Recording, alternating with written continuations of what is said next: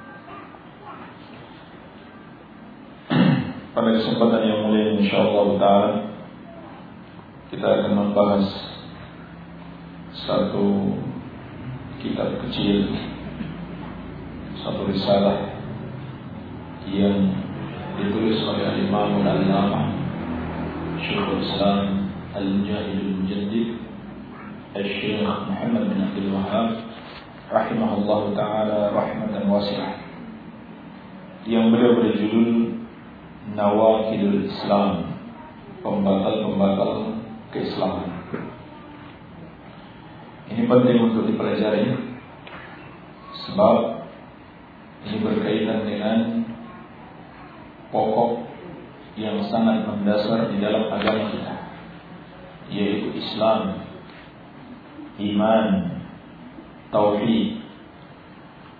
Harus dipertahankan, harus dijaga. Kalau sampai dia hilang, kalau sampai dia batal, berarti orang yang batal Islamnya tidak lagi disebut sebagai muslim. Sudah menjadi kafir. Dan seluruh ibadahnya tidak diterima dan seluruh ibadah yang sudah dia lakukan terhapus. Tidak ada bekasnya. Seperti orang yang sudah berduduk kemudian buang angin. Ya, dia melakukan satu pembatal wudhu, buang angin misalkan. Maka sholatnya kalau dia sholat sebelum dia berwudhu lagi tidak sah solatnya, solatnya tidak sah. Walaupun dia sholat seribu rakaat tidak ada gunanya. Tidak ada manfaatnya. Sholatnya tidak akan sah. Demikianlah perumpamaan.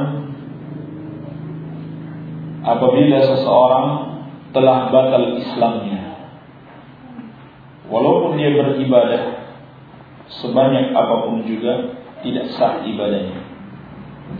Kata Allah Subhanahu wa taala, "Ma mana'ahum an tuqbala minhum nafaqatuhum illa annahum kafaru billah." Tidak ada yang menghalangi diterimanya sedekah-sedekah mereka kecuali karena mereka kafir kepada Allah. Wa qadimna ila ma 'amilu min 'amalin faj'alnahu haba'an mansura. Dan kami hadapi amalan yang mereka kerjakan maka kami jadikan amalan-amalan mereka itu hanya bagaikan debu-debu yang berterbangan. Iya.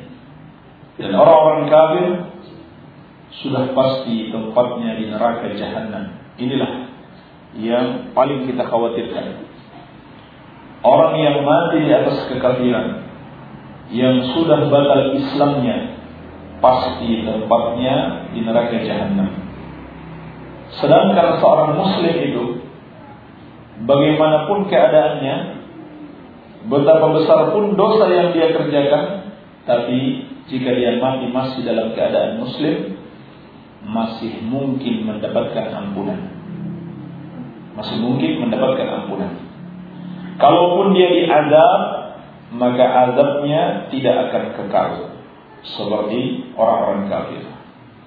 Allah Subhanahu wa taala telah memperingatkan innal ladzina kafaru min ahli kitab wal musyrikin fi nari jahannam khalidina fiha ulaika hum syarrul bariyah. Sesungguhnya orang-orang kafir dari dua golongan. Orang kafir hakikatnya seluruhnya hanya ada dua golongan perlu dibedakan dua golongan karena ada beberapa hukum yang membedakan kedua golongan tersebut. Yang pertama dari golongan ahlul kitab yaitu Yahudi dan Nasrani. Yang kedua al-musyrikin, seluruh kaum musyrikin. Siapa mereka? Seluruhnya. Selain Yahudi dan Nasrani, selain Muslim. Masuk di situ Yahudi, apa namanya, Hindu, Buddha, Konghucu, ateis, komunis, semuanya. Kata Allah, tempat mereka di neraka jahanam.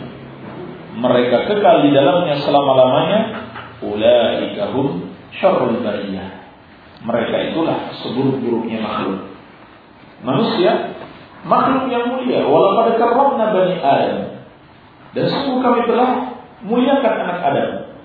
Tetapi kemuliaannya ini bisa hilang justru bisa menjadi sebaliknya menjadi makhluk yang paling jelek.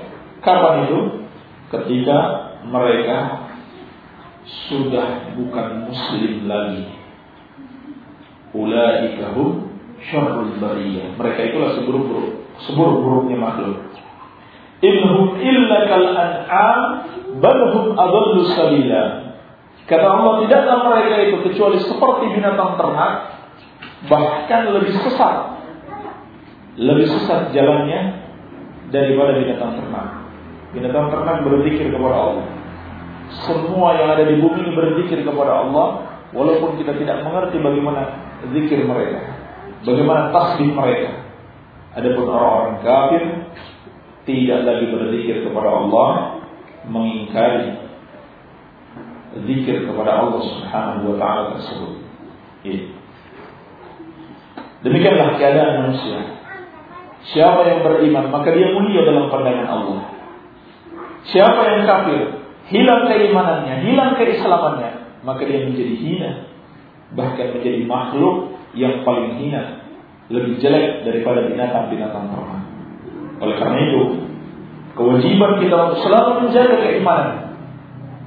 Untuk selalu menjaga keimanan. Muslim betapa besar dosa yang dia kerjakan tetap saja dia masih lebih baik daripada seorang kafir. Allah Subhanahu wa taala berfirman, "Inna Allah la yaghfiru an bihi wa yaghfiru ma duna dzalika liman yasha." Sesungguhnya Allah tidak mengampuni dosa menyekutukannya dan mengampuni dosa yang lebih ringan daripada itu bagi siapa yang dia kehendaki. Seorang muslim betapa besar pun dosanya tetap masih lebih baik daripada orang-orang kafir. Ya. Jadi sangat penting diperhatikan. Bahkan yang terpenting bagi seorang muslim itu bagaimana mempertahankan keimanannya. Bagaimana mempertahankan statusnya sebagai muslim. Jangan sampai bergeser, jangan sampai hilang. Kemudian dia, dia tergolong ke dalam golongan orang-orang yang kafir. Oleh karena itu, para ulama dalam kitab-kitab mereka banyak menulis peringatan-peringatan dari bahaya kekufuran, peringatan-peringatan dari bentuk-bentuk kekufuran dan kesyirikan agar kita jangan terjatuh di dalam perkara tersebut. Dan yang penting kita pelajari. Kita pelajari hal-hal yang jelek. Ini kan hal-hal yang jelek. Penting kita ketahui. Kalau seorang tidak mengetahuinya, dia akan terjatuh. Dia akan terjatuh ke dalam perkara jelek, perkara jelek tersebut. Sebagaimana kata syair, "Araftu syarra la li syarri, walakin li tawaqi." Faman lam ya'rif syarra min al-khair waqa'a Aku ketahui kejelekan itu bukan untuk aku lakukan, tetapi untuk berhati-hati darinya. Karena barang siapa yang tidak mengenal kejelekan, dia akan terjatuh ke dalam kejelekan tersebut. Demikian pula dikatakan sahabat yang mulia Hudzaifah bin Yaman radhiyallahu taala anhu kana kana an-nasu yas'aluna Rasulullah sallallahu alaihi wasallam 'anil khair wa kuntu as'aluhu 'anil syarr makhafata an aqa'a fihi.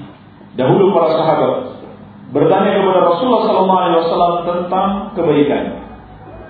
Sedangkan aku bertanya tentang kejelekan. Karena aku takut jangan sampai terjatuh dalam kejelekan tersebut. Iya. Jadi perlu dipelajari agar kita bisa menghindarinya dan bisa menjaga keluarga kita dari hal-hal yang jelek tersebut dan memperingatkan umat ini dari kejelekan-kejelekan itu. Salah satunya kitab yang ditulis oleh Syekh Muhammad bin Abdul Wahab rahimahullah taala kitab yang ringkas ini namun telah banyak mendapatkan perhatian dari para ulama sehingga mereka telah menulis syarah-syarah ada yang panjang ada yang singkat untuk menjelaskan makna dan kandungan dari kitab ini pada kesempatan insyaallah taala akan kita sebutkan sebagian penjelasan para ulama terhadap kitab Nawakil Islam karya Syekh Muhammad bin Abdul Wahab rahimahullahu taala rahmatan wasi'ah. Baik. Beliau rahimahullah mengatakan, "I'lam anna nawaqid al-Islam asyratu nawaqid." Ketahuilah bahwasannya pembatal keislaman itu ada sepuluh. Baik. Dan sepuluh ini bukanlah pembatasan. Bukanlah pembatasan. Tetapi maksudnya di sini adalah pembatal keislaman yang paling besar. Sehingga dalam cetakan yang lain disebutkan anna min a'zami nawaqidil Islam. Bahwasanya di antara sebesar-besarnya pembatal keislaman ada sepuluh. Atau bisa juga maksud beliau sepuluh ini sudah disepakati para ulama. Karena ada sebagian yang tidak disepakati para ulama sebagai kekafiran. Ya. Contohnya apa? Hah? Contohnya apa? Ada tahu?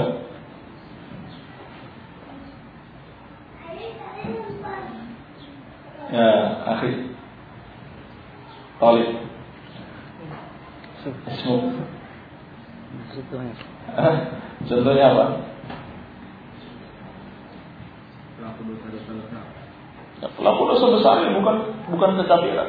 Pelaku dosa besar ya dosa besar. Kalau kekafiran di atas dosa besar. Nah, kalau murtad ya kafir itu namanya. Hah? Taklim nggak setiap pekan di sini? Dok, meninggalkan sholat.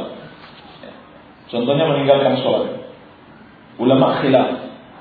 Walaupun dijelaskan sebagian ulama khilaf itu terjadi setelah masa-masa sahabat dan tabi'in. Adapun di masa sahabat lafaz-lafaz penjelasan para sahabat menunjukkan mereka sepakat meninggalkan sholat adalah kekufuran. Seperti kata Abdullah bin Syafiq rahimahullah taala, "Kana ashab Muhammad sallallahu alaihi wasallam la yarawna syai'an min al-a'mal tarkuhu kufrun ghairu as-salah." Dahulu para sahabat Nabi sallallahu alaihi wasallam tidak menganggap ada sesuatu yang apabila ditinggalkan menyebabkan kekufuran kecuali salat. Kata Umar bin Khattab radhiyallahu anhu, la hadda fil Islam liman taraka shalah. Tidak ada tempat dalam Islam bagi siapa yang meninggalkan sholat. Iya.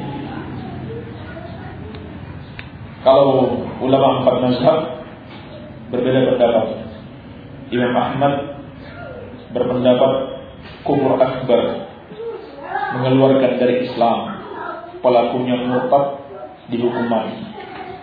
Adapun Abu Hanifah, Malik dan Syafi'i berpendapat tidak sampai kafir. Namun Malik dan Syafi'i berpendapat hukumannya sama, hukuman mati.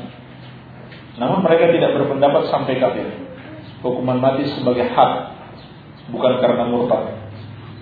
Dan Imam Abu Hanifah berpendapat hukumannya itu kembali kepada hakim. Terserah si hakim. Iya, itu khilaf ulama. Baik. Makanya beliau tidak sebutkan di sini pembatal sholat. Pendapat yang benar, pendapat yang kuat meninggalkan sholat adalah kufur akbar. Pelakunya murtad keluar dari Islam berdasarkan dalil-dalil yang ada. Baik. Jadi maksudnya di sini pembatal keislaman sepuluh 10 karena sudah disepakati 10 ini, disepakati para ulama, tidak ada berbeda pendapat. Sebagaimana akan kita sebutkan insyaallah taala beberapa rujukan tentang adanya ijma ulama tersebut. Artinya, pembatal keislaman bukan ini saja. Ya, masih ada yang belum beliau sebutkan di sini. Atau makna yang lain, kenapa beliau hanya sebutkan 10? Karena inilah yang beliau lihat paling banyak terjadi. Ya, paling banyak terjadi di tengah-tengah masyarakat bahkan sampai di hari kita ini. Ya sampai di hari-hari kita ini memang 10 pembatal keislaman inilah yang paling banyak tersebar di tengah-tengah masyarakat. Jadi harus kita berikan perhatian kita pelajari dengan baik mudah-mudahan kita dapat berwaspada dari kekafiran ini. Baik sebelum kita masuk ke dalam pembahasan perlu saya peringatkan mengkafirkan seorang muslim itu ada aturannya, tidak mudah.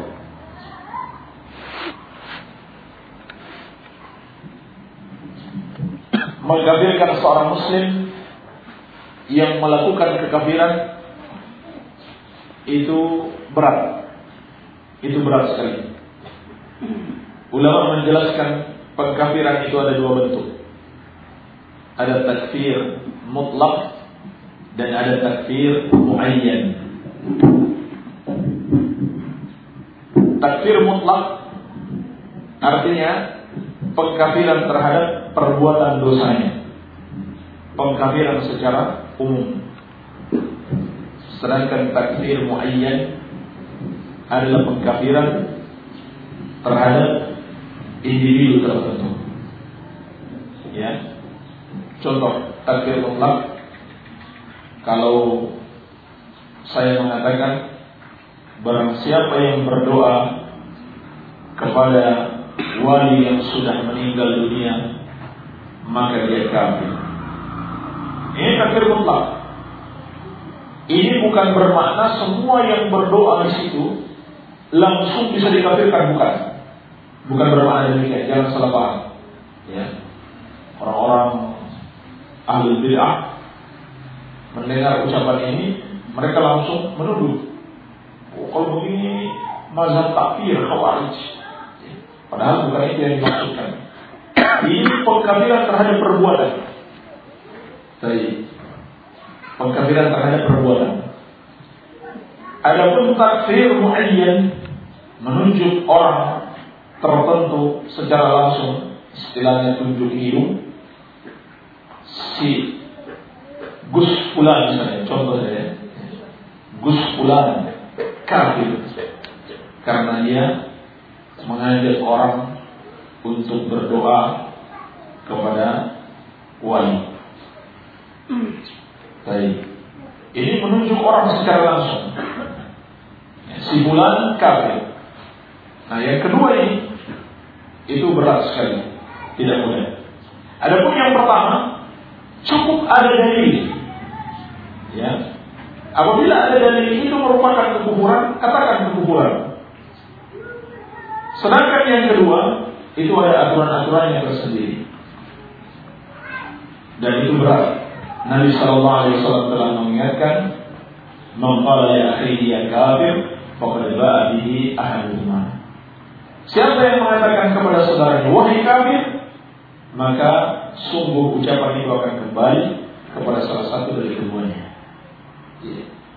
Dan seorang muslim yang melakukan kekafiran tidak otomatis menjadi kafir. Ini perlu kita pahami dengan baik. Seorang muslim yang melakukan kekafiran tidak serta merta dia langsung menjadi kafir. Tidak. Terkadang misalkan orang yang bodoh, orang yang jahil, Allah maafkan. Allah maafkan. Seperti dalam sebuah hadis yang sahih, Nabi Wasallam pernah menceritakan tentang seorang laki-laki pada umat terdahulu. Sebelum dia mati, dia berpesan kepada anak-anaknya, kalau aku mati, bakar jasadku, ditumbuk jadi abu, kemudian lemparkan ke angin. Katanya, kalau Allah mampu membangkitkan aku kembali, maka aku akan diazab dengan suatu azab yang tidak pernah diberikan kepada siapa pun juga. Ini ucapan kekurangan. Dia ragu dengan kemampuan Allah dan dia mengingkari adanya kebangkitan. Dulu itu kekurangan. Masa begitu saja Allah tidak bisa. Maka ketika dia mati, Allah perintahkan kepada bumi untuk mengumpulkan jasadnya dan dia dibangkitkan kembali lalu ditanyakan kenapa kamu mengatakan demikian maka dia mengatakan karena takut kepada ya. bukan karena menentang Allah, tapi karena justru karena takut kepada Allah. Tapi caranya salah. Justru dia menempuh cara yang kufur. Maka kata Nabi Shallallahu Alaihi Wasallam, Allah mengampuni dia. Iya. Kenapa Allah ampuni? Karena dia tidak tahu. Itu adalah kekufuran. Artinya orang yang bodoh mungkin mendapatkan ampunan Allah Subhanahu Wa Taala. Adapun perbuatan yang kita ragu, yang dia ucapkan adalah kekufuran. Sedangkan orangnya belum tentu bisa dihukumi sebagai orang kafir. Terkadang orang yang bodoh dimaafkan. Iya. Oleh karena itu, ada syarat iqamatul hujjah. Menegakkan hujjah kepadanya baru dikafirkan. Allah Subhanahu wa taala berfirman, "Wa ma kunna mu'adzibina hatta nab'atha rasulah." Kami tidak mengazab sampai kami mengutus rasul. Artinya orang-orang yang belum diutus Rasul kepada mereka, belum sampai ilmu kepada mereka, tidak diazab. Tidak diazab oleh Allah Subhanahu wa taala.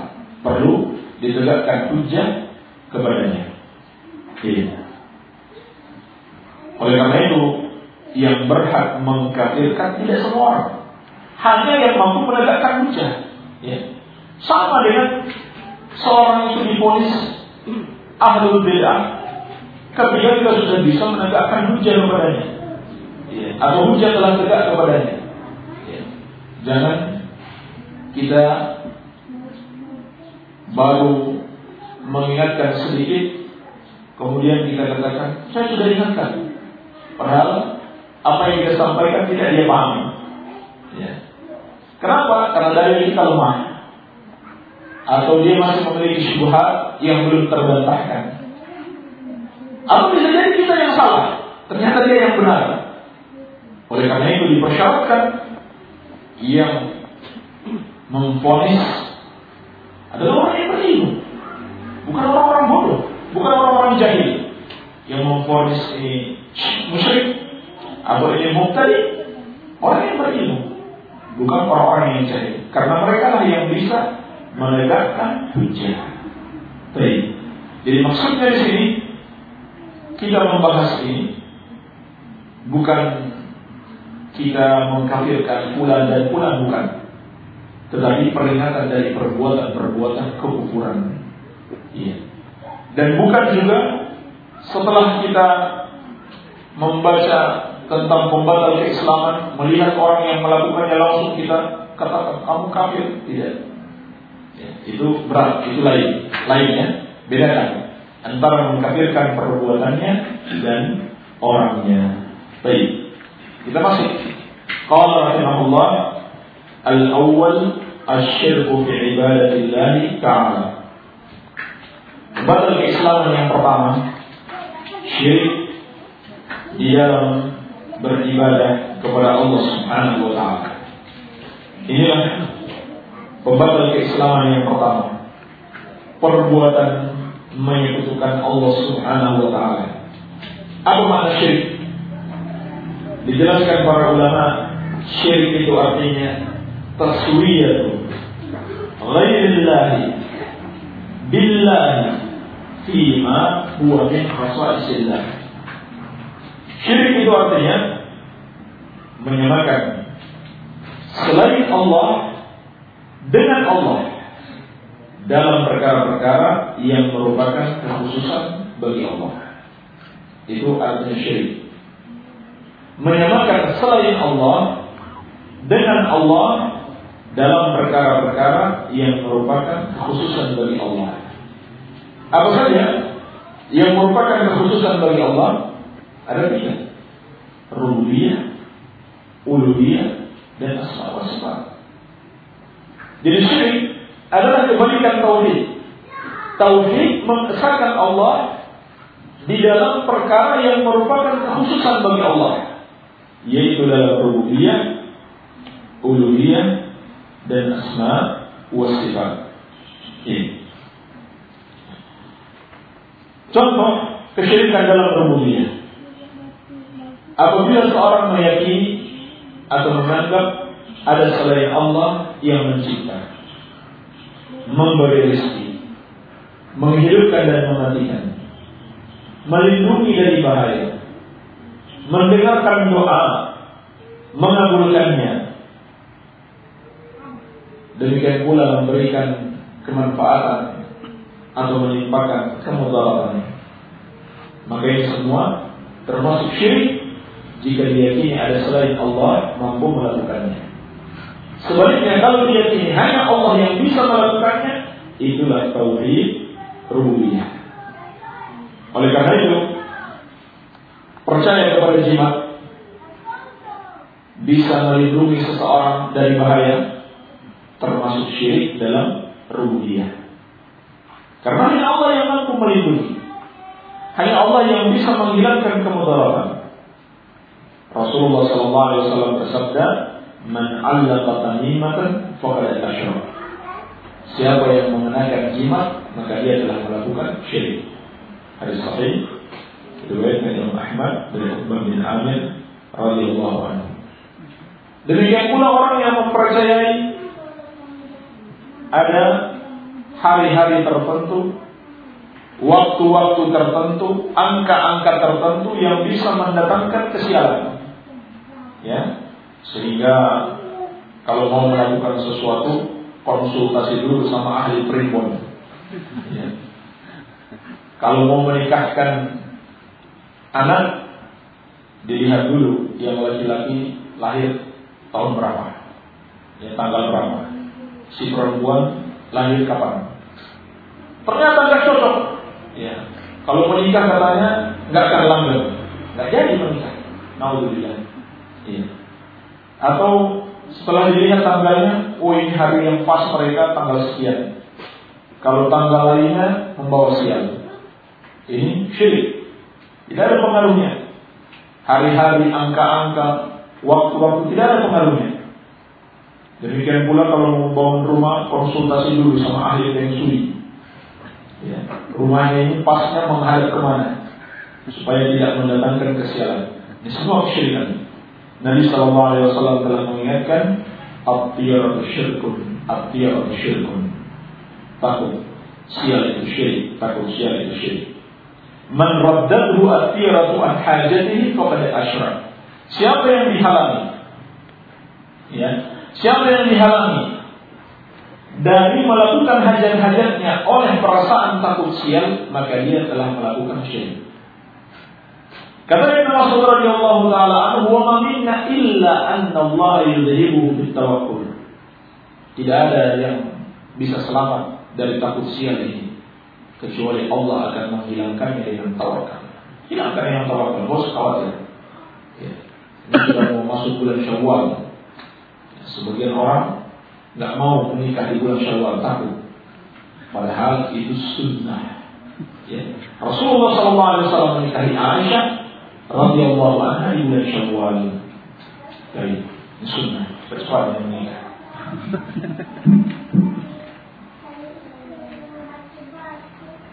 Demikian pula syirik yang kedua dalam uluhiyah yaitu apabila seorang mempersembahkan ibadah kepada selain Allah atau menganggap ada selain Allah yang boleh untuk disembah. Tadi ini akan datang insyaallah taala pembahasannya. Syirik dalam uluhiyah menganggap selain Allah boleh disembah atau mempersembahkan satu bentuk ibadah kepada selain Allah seperti doa, menyembelih, rasa takut, pengharapan, rasa cinta, demikian pula tawakal dan lain sebagainya. Semua bentuk ibadah apabila dipersembahkan salah satunya saja kepada selain Allah, maka itu adalah syirik di dalam uluhiyah. Kemudian yang ketiga syirik dalam asma wa sifat. Seperti orang yang melakukan ta'til ya, mengingkari tidak mengimani salah satu pun sifat Allah atau tidak percaya adanya Allah itu masuk dalam syirik terhadap wa sifat seperti orang ateis komunis sosialis Demikian pula menamakan Allah dengan selain namanya. Seperti yang dilakukan oleh orang-orang Nasrani. Mereka namakan Allah dengan siapa? Al-Ab. Ya, Bapak. Yang termasuk syirik. Atau menyerupakan Allah dengan makhluk. Apakah menyerupakan dari segala sisinya atau sebagian sisinya. Menyerupakan sebagian sifat Allah dengan sifat makhluk. Itu kesyirikan di dalam asma wa sifat. Baik. Ini contoh-contoh syirik. Artinya kesyirikan itu bisa jadi di dalam rububiyah, uluhiyah dan asma wa sifat. Demikian pula kesyirikan bisa jadi dalam keyakinan, bisa jadi dalam perbuatan dan ucapan. Baik. Kalau Allah Taala Allah Subhanahu wa taala berfirman, "Inna Allah la yaghfiru an yushraka bihi wa yaghfiru ma duna dzalika liman yasha." Satu kami yang kita ini. Kalau itu Kalau di kopi satu lembar aja, dalam surat An-Nisa ayat 116. Sesungguhnya Allah tidak akan mengampuni dosa menyekutukannya dan mengampuni dosa yang lebih ringan daripada itu bagi siapa yang dia kehendaki. Di sini Syekh menyebutkan satu ayat sebagai peringatan dari bahaya kesyirikan. Apa bahayanya? Orang yang mati di atas kesyirikan tidak akan pernah lagi mendapatkan ampunan Allah. Ini maksud ayat ini.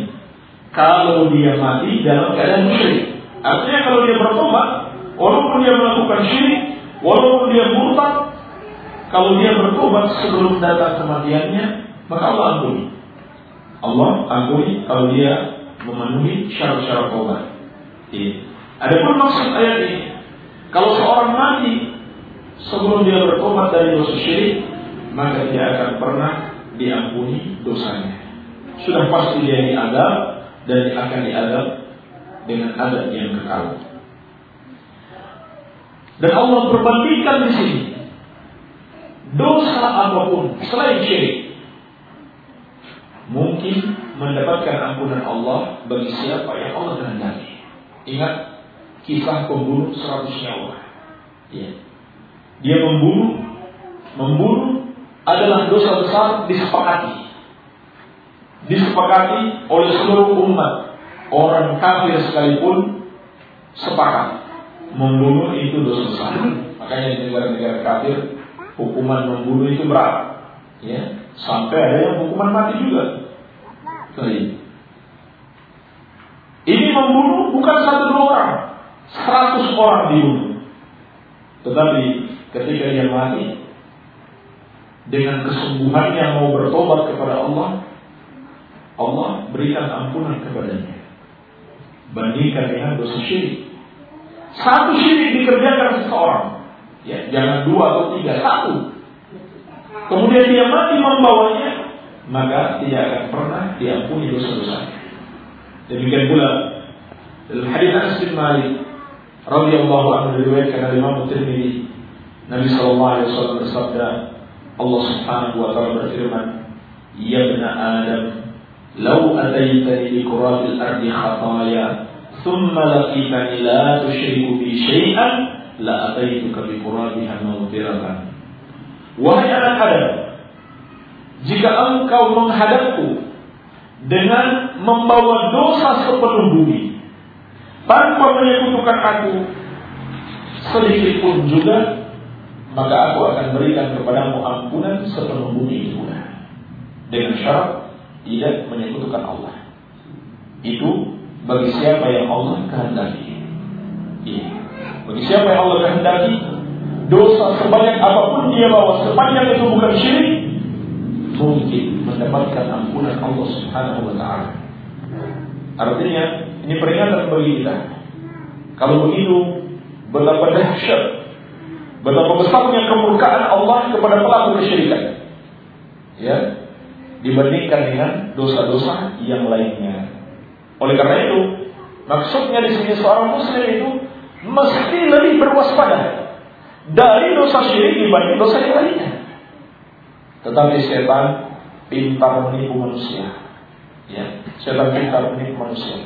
Betapa banyak kita lihat manusia begitu takut kalau dicap orang itu akhlaknya bejat. Takut dia. Sehingga dia berlaku baik kepada manusia. Dia jaga tutur katanya. Dia jaga pergaulannya. Iya. Demikian pula begitu takut menzolimi hak-hak manusia. Iya. Atau hak-hak rakyat takut makan uang rakyat. Sampai dibentuk komisi pemberantasan orang yang suka makan uang rakyat. Mereka perhatikan. Betul-betul mereka jaga. Tetapi pada saat yang sama mereka memandang remeh persoalan syirik kepada Allah Subhanahu wa taala. Iya. Berdemonstrasi bahkan minta ditegakkan hukum kepada para koruptor. Ya. Padahal kesyirikan terjadi di sekitar mereka, mereka biarkan. Mereka biarkan. Ya.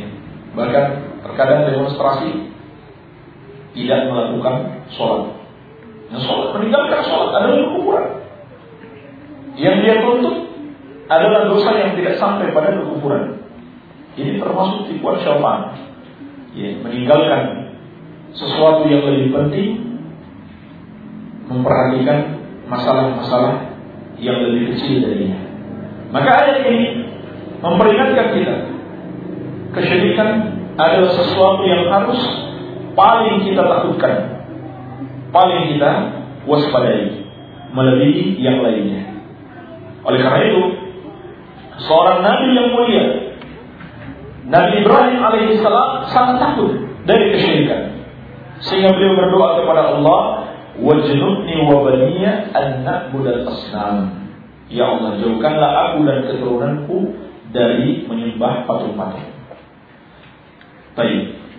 Dan ulama khilaf apakah kesyirikan yang tidak diampuni di sini mencakup syirik besar dan syirik kecil atau syirik besar saja pendapat yang dikuatkan oleh Syekhul Islam demikian pula Syekh Nusaimin bahwa ayat ini mencakup syirik kecil juga tidak akan diampuni oleh Allah Subhanahu wa taala sebab ayat ini datang dalam bentuk umum sehingga mencakup semua bentuk kesyirikan.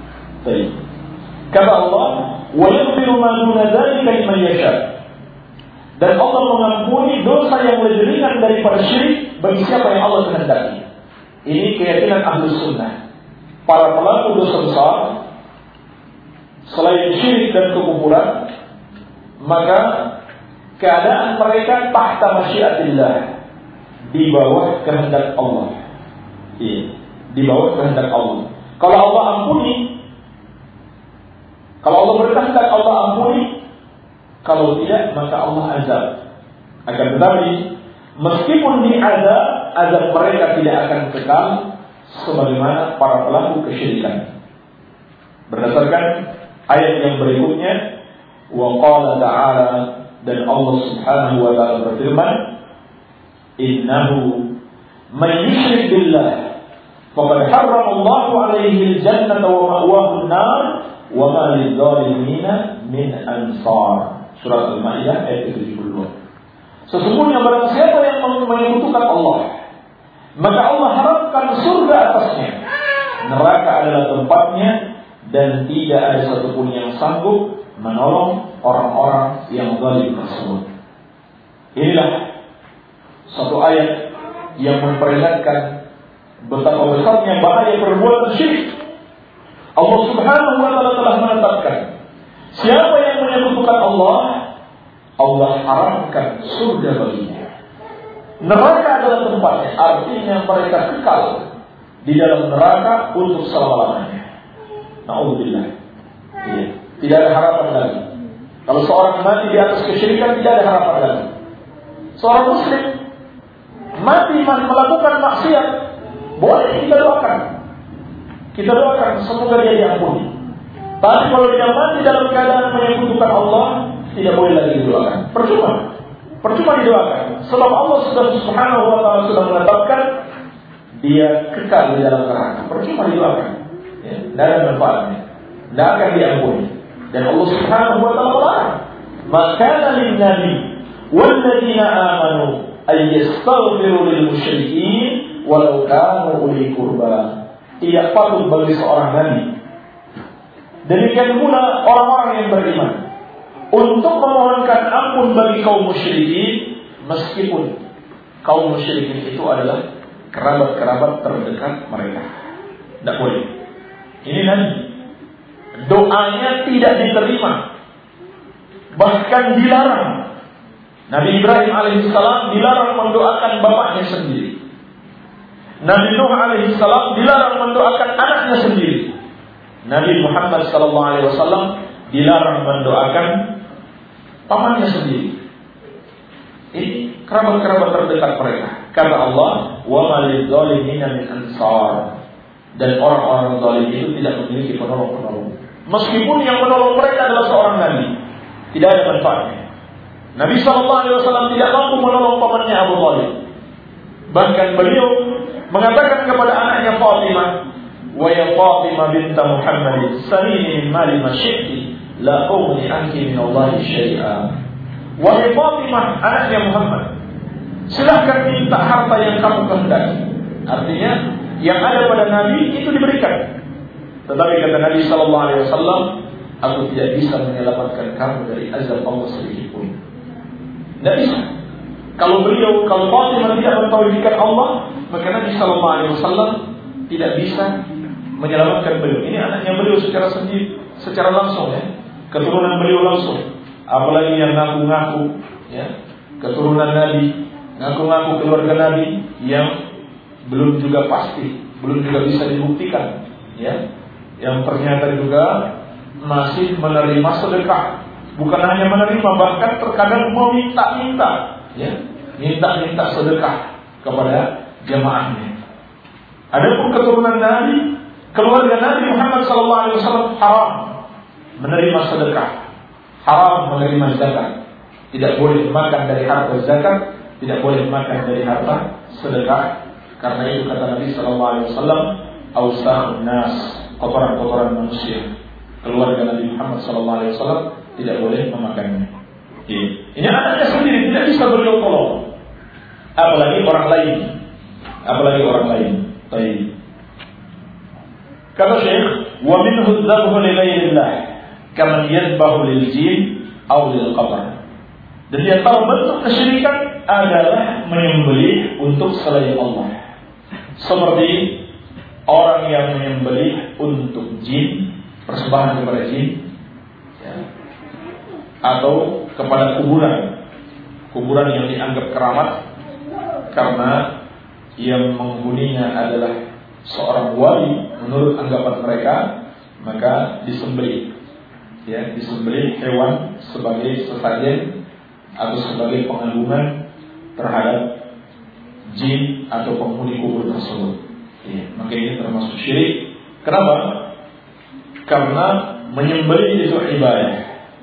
Fasalli li rabbika wanhar. Maka salatlah dan menyembelihlah hanya untuk Rabb. Maka menyembelih itu ibadah. Sehingga kalau dipersembahkan kepada selain Allah berarti telah melakukan perbuatan syirik. Baik. Demikian pula sabda Nabi sallallahu alaihi wasallam, la'anallahu man dzabaha li ghairillah. Allah melaknat orang yang menyembelih untuk selain Allah. Dan ini contoh. Ini contoh kesyirikan. Al-Thani Pembatal keislaman yang kedua Man ja'ala bainahu wa bainallahi wasa'id Yas'aluhum syafa'ah Wa yatawakkal alaihim Kabara ijma'an Barang siapa yang menjadikan Antara dirinya dengan Allah Perantara-perantara Ia berdoa kepada para perantara tersebut Dan memohon syafaat kepada mereka Dan bertawakal kepada mereka Maka Dia kafir Menurut kesepakatan ulama Tidak ada yang berbeda pendapat Tidak ada yang berbeda pendapat Iya Siapa yang menjadikan antara dirinya dengan Allah perantara untuk berdoa kepada Allah. Jadi dia berdoa dulu misalkan kepada para wali. Dengan harapan doanya akan diteruskan kepada Allah. Maka ulama seluruhnya sepakat perbuatan itu termasuk syirik besar. Pelakunya murtad keluar dari Islam. Ya, sama saja. Dia berdoa minta kepada wali atau kepada nabi sekalipun atau kepada malaikat apalagi kepada setan kepada jin-jin kepada dewa-dewi dewa-dewi itu setan ya, ya. dewa-dewi itu setan menipu manusia ya. mengaku sebagai dewa-dewi turun dari kayangan ya. padahal setan. Sama saja dia meminta kepada mereka langsung atau cuma titip ya. tolong teruskan kepada Allah sama saja ulama sepakat kedua bentuk tersebut adalah syirik besar menyebabkan pelakunya murtad keluar dari Islam. Kenapa? Karena doa itu ibadah. Doa itu ibadah. Tidak boleh sedikit pun dipersembahkan kepada selain Allah. Oleh karena itu, tidak ada satu makhluk pun yang pernah mengatakan, Udu'uni astajib lakum. Berdoalah kepada aku, saya akan aku kabulkan. Siapa yang pernah mengatakan demikian? Tidak ada. Baik dia malaikat, seorang nabi, seorang wali. Tidak ada yang pernah mengatakan ud'uni astajib lakum. Hanya Allah yang pernah mengatakan demikian. Wa qala rabbukum ud'uni astajib lakum. Innal ladzina yastakbiruna an ibadati jahannam dakhirin. Dan Rabbmu telah berfirman, berdoalah kepada aku, niscaya akan aku kabulkan. Sesungguhnya orang-orang yang menyombongkan diri dari berdoa kepadaku, mereka akan masuk neraka dalam keadaan hina. Iya. Hanya Allah yang pernah mengatakan demikian. Oleh karena itu, Rasulullah SAW sendiri tidak pernah berpesan kepada para sahabatnya. Kalau aku mati, datanglah ke kuburanku, berdoa kepadaku, nanti aku akan teruskan doa kalian kepada Allah. Tidak pernah. Dan para sahabat tidak pernah melakukan demikian. Tidak pernah melakukan demikian. Karena itu adalah syirik. Yang dipesankan oleh Nabi Sallallahu Alaihi Wasallam adalah doa wal ibadah. Doa itu adalah ibadah. Demikian pula pesan beliau, "Idza sa'alta fas'alillah wa idza sta'anta fasta'in billah." Kalau kamu minta sesuatu, minta kepada Allah. Kalau kamu minta pertolongan, minta kepada Allah Subhanahu wa taala. Ini pesan Nabi sallallahu alaihi wasallam kepada para sahabat. Iya. Sebab mereka semuanya sepakat seluruh ulama ahlu sunnah sepakat meminta berdoa kepada selain Allah meskipun dengan dalil hanya sebagai perantara maksudnya agar diteruskan kepada Allah itu adalah perbuatan syirik sepakat ulama tidak ada perbedaan pendapat Abu Hanifah Malik, Syafi'i dan Ahmad seluruhnya sepakat. Itu syirik. Kok ada orang yang dianggap tokoh agama, dianggap kiai, malah mengajar. Ya. Dan mereka biasanya membuat istilah-istilah untuk menipu manusia. Yang syirik, yang jelek dibahasakan dengan bahasa yang bagus.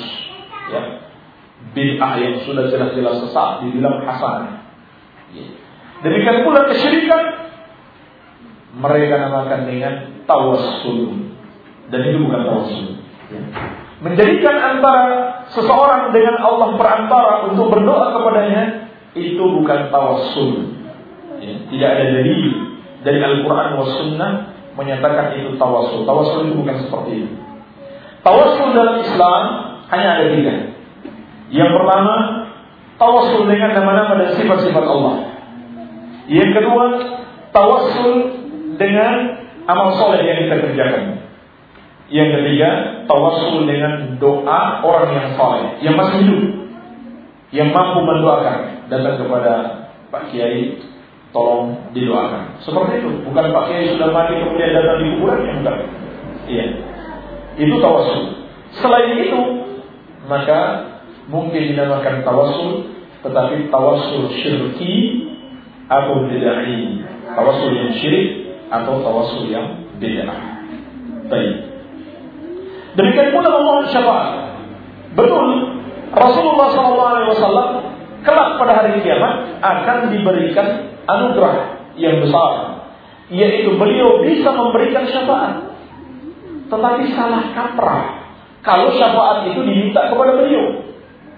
Demikian pula para wali, orang-orang saleh, malaikat juga bisa memberikan syafaat. Tapi syafaat itu milik Allah. Salah besar kalau minta kepada mereka. Allah Subhanahu wa taala menegaskan, "Qulillahi asy-syafa'atu jami'an." Katakan, hanya milik Allah syafaat itu seluruhnya. Hanya milik Allah. Berarti kalau dimintakan kepada selain Allah, itu adalah perbuatan syirik. Dan Allah Subhanahu wa taala juga telah mengingatkan bahwa syafaat itu tidak akan diberikan kecuali dengan dua syarat. Pertama izin Allah kepada orang yang memberikan syafaat. Yang kedua ridho Allah kepada yang diberikan syafaat. Pertama izin Allah. Man illa. Dan siapakah yang bisa memberikan syafaat di sisi Allah kecuali dengan izinnya? Juga firman Allah, "Wala yashfa'una liman Mereka tidak bisa memberikan syafaat kecuali kepada siapa yang Allah ridhoi. Wa kam min malakin fis samawati la tughni syafa'atuhum syai'an illa min ba'di an ya'zana Allah liman yasha'u wa yarda. Berapa banyak malaikat di langit tidak bermanfaat syafaat mereka sedikit pun kecuali bagi siapa yang Allah izinkan dan Allah ridhoi. Bagaimana syarat mendapatkan keridhaan Allah supaya dapat syafaat? Syaratnya adalah mentauhidkan Allah Subhanahu wa taala. Kalau orang menyekutukan Allah nggak mungkin dapat syafaat. Nggak mungkin dapat syafaat. Oleh karena itu, sahabat yang mulia Abu Hurairah radhiyallahu anhu pernah bertanya kepada Nabi sallallahu alaihi wasallam, "Man as'alun nas bi syafa'ati yaumil qiyamah?" Siapa yang paling berbahagia dengan syafaat pada hari kiamat? Kata Nabi sallallahu alaihi wasallam, "Man qala la ilaha illallah khalisan min qalbi. Siapa yang mengucapkan la ilaha illallah dalam keadaan ikhlas dari dalam hatinya. Artinya betul-betul dia mentauhidkan Allah. Bukan sekedar mengucapkan la ilaha illallah tetapi tidak mentauhidkan Allah. Demikian pula firman Allah, "Ma lidzalimin min hamimin wa syafi'in yuta'." Orang-orang yang zalim, yaitu orang-orang yang menyebutkan Allah tidak memiliki kaum setia, tidak pula pemberi syafaat yang ditaati. Demikian pula tawakal Allah Subhanahu wa taala telah mengabarkan kepada kita wa 'alallahi fatawakkalu in kuntum mu'minin dan hendaklah hanya kepada Allah kalian bertawakal kalau kalian benar-benar beriman.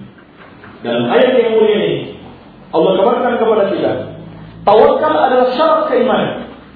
Siapa yang beriman kepada Allah dia mesti bertawakal.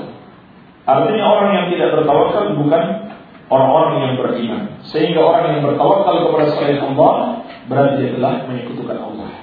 Baik. Al-Tali pembatal keislaman yang ketiga. Man lam yukaffir al-musyrikin atau syakka fi kufrihim atau sahhaha madhhabahum kafar. Barang siapa tidak mengkafirkan kaum musyrikin, tidak menganggap kaum musyrikin orang-orang kafir, atau sekedar ragu dengan kekafiran mereka, ragu. Mereka muslim atau kafir, beriman atau kafir, atau malah membenarkan kekafiran mereka, maka dia kafir menurut kesepakatan ulama. Ulama sepakat sebagaimana dikutip oleh Al-Qadi dalam Asy-Syifa juz kedua halaman 281. Demikian pula Syekh Islam sebagaimana dalam Majmu' Al-Fatawa juz ke-28 halaman 464. Baik. Ulama sepakat. Tidak ada lagi perbedaan pendapat. Di bulan Ramadan ini kita sering dengar ada perbedaan pendapat. Sholat tarawih 8 atau 20. Ya. Sholat tarawih 8 atau 20. Itu sering terjadi perbincangan. Dan ulama seluruhnya sepakat sholat yang cepat tidak tumaninah tidak sah. Ya. Itu yang harus diperingatkan. Sholat yang cepat tidak tumaninah tidak sah. Itu sepakat ulama. Ulama sepakat. Adapun soal tarawih 820 ulama berbeda pendapat. Ya. Yang berbeda pendapat ini semuanya sepakat. Kalau sholatnya cepat sampai tidak tumaninah tidak sah sholatnya. Kenapa? Karena tumanina adalah rukun sholat. Ya. Nah, di sini ulama tidak ada lagi perbedaan pendapat. Semuanya sepakat. Maksudnya apa kita mengetahui ini? Maksudnya kalau ada orang yang dianggap ulama, dianggap tokoh agama, kemudian dia mengisi kesepakatan ini, di situlah kelihatan bodohnya. Di situlah kelihatan jahilnya. Padahal ulama telah sepakat. Baik. Walaupun mereka namakan dia cendekiawan muslim, ya, dan berbagai macam istilah ya, untuk membesarkan orang-orang jahil. Kalau Syekh, barang siapa yang tidak mengkafirkan kaum musyrikin, tidak menganggap orang-orang kafir itu musyrik. Ya atau sekedar ragu dengan kekafiran mereka. Ragu berarti belum yakin. Sedangkan iman itu adalah keyakinan. Atau malah membenarkan ajaran mereka. Membenarkan kekafiran mereka. Maka dia kafir seperti mereka dengan kesepakatan ulama. Contoh, orang yang tidak mengkafirkan orang-orang Kristen dan Yahudi.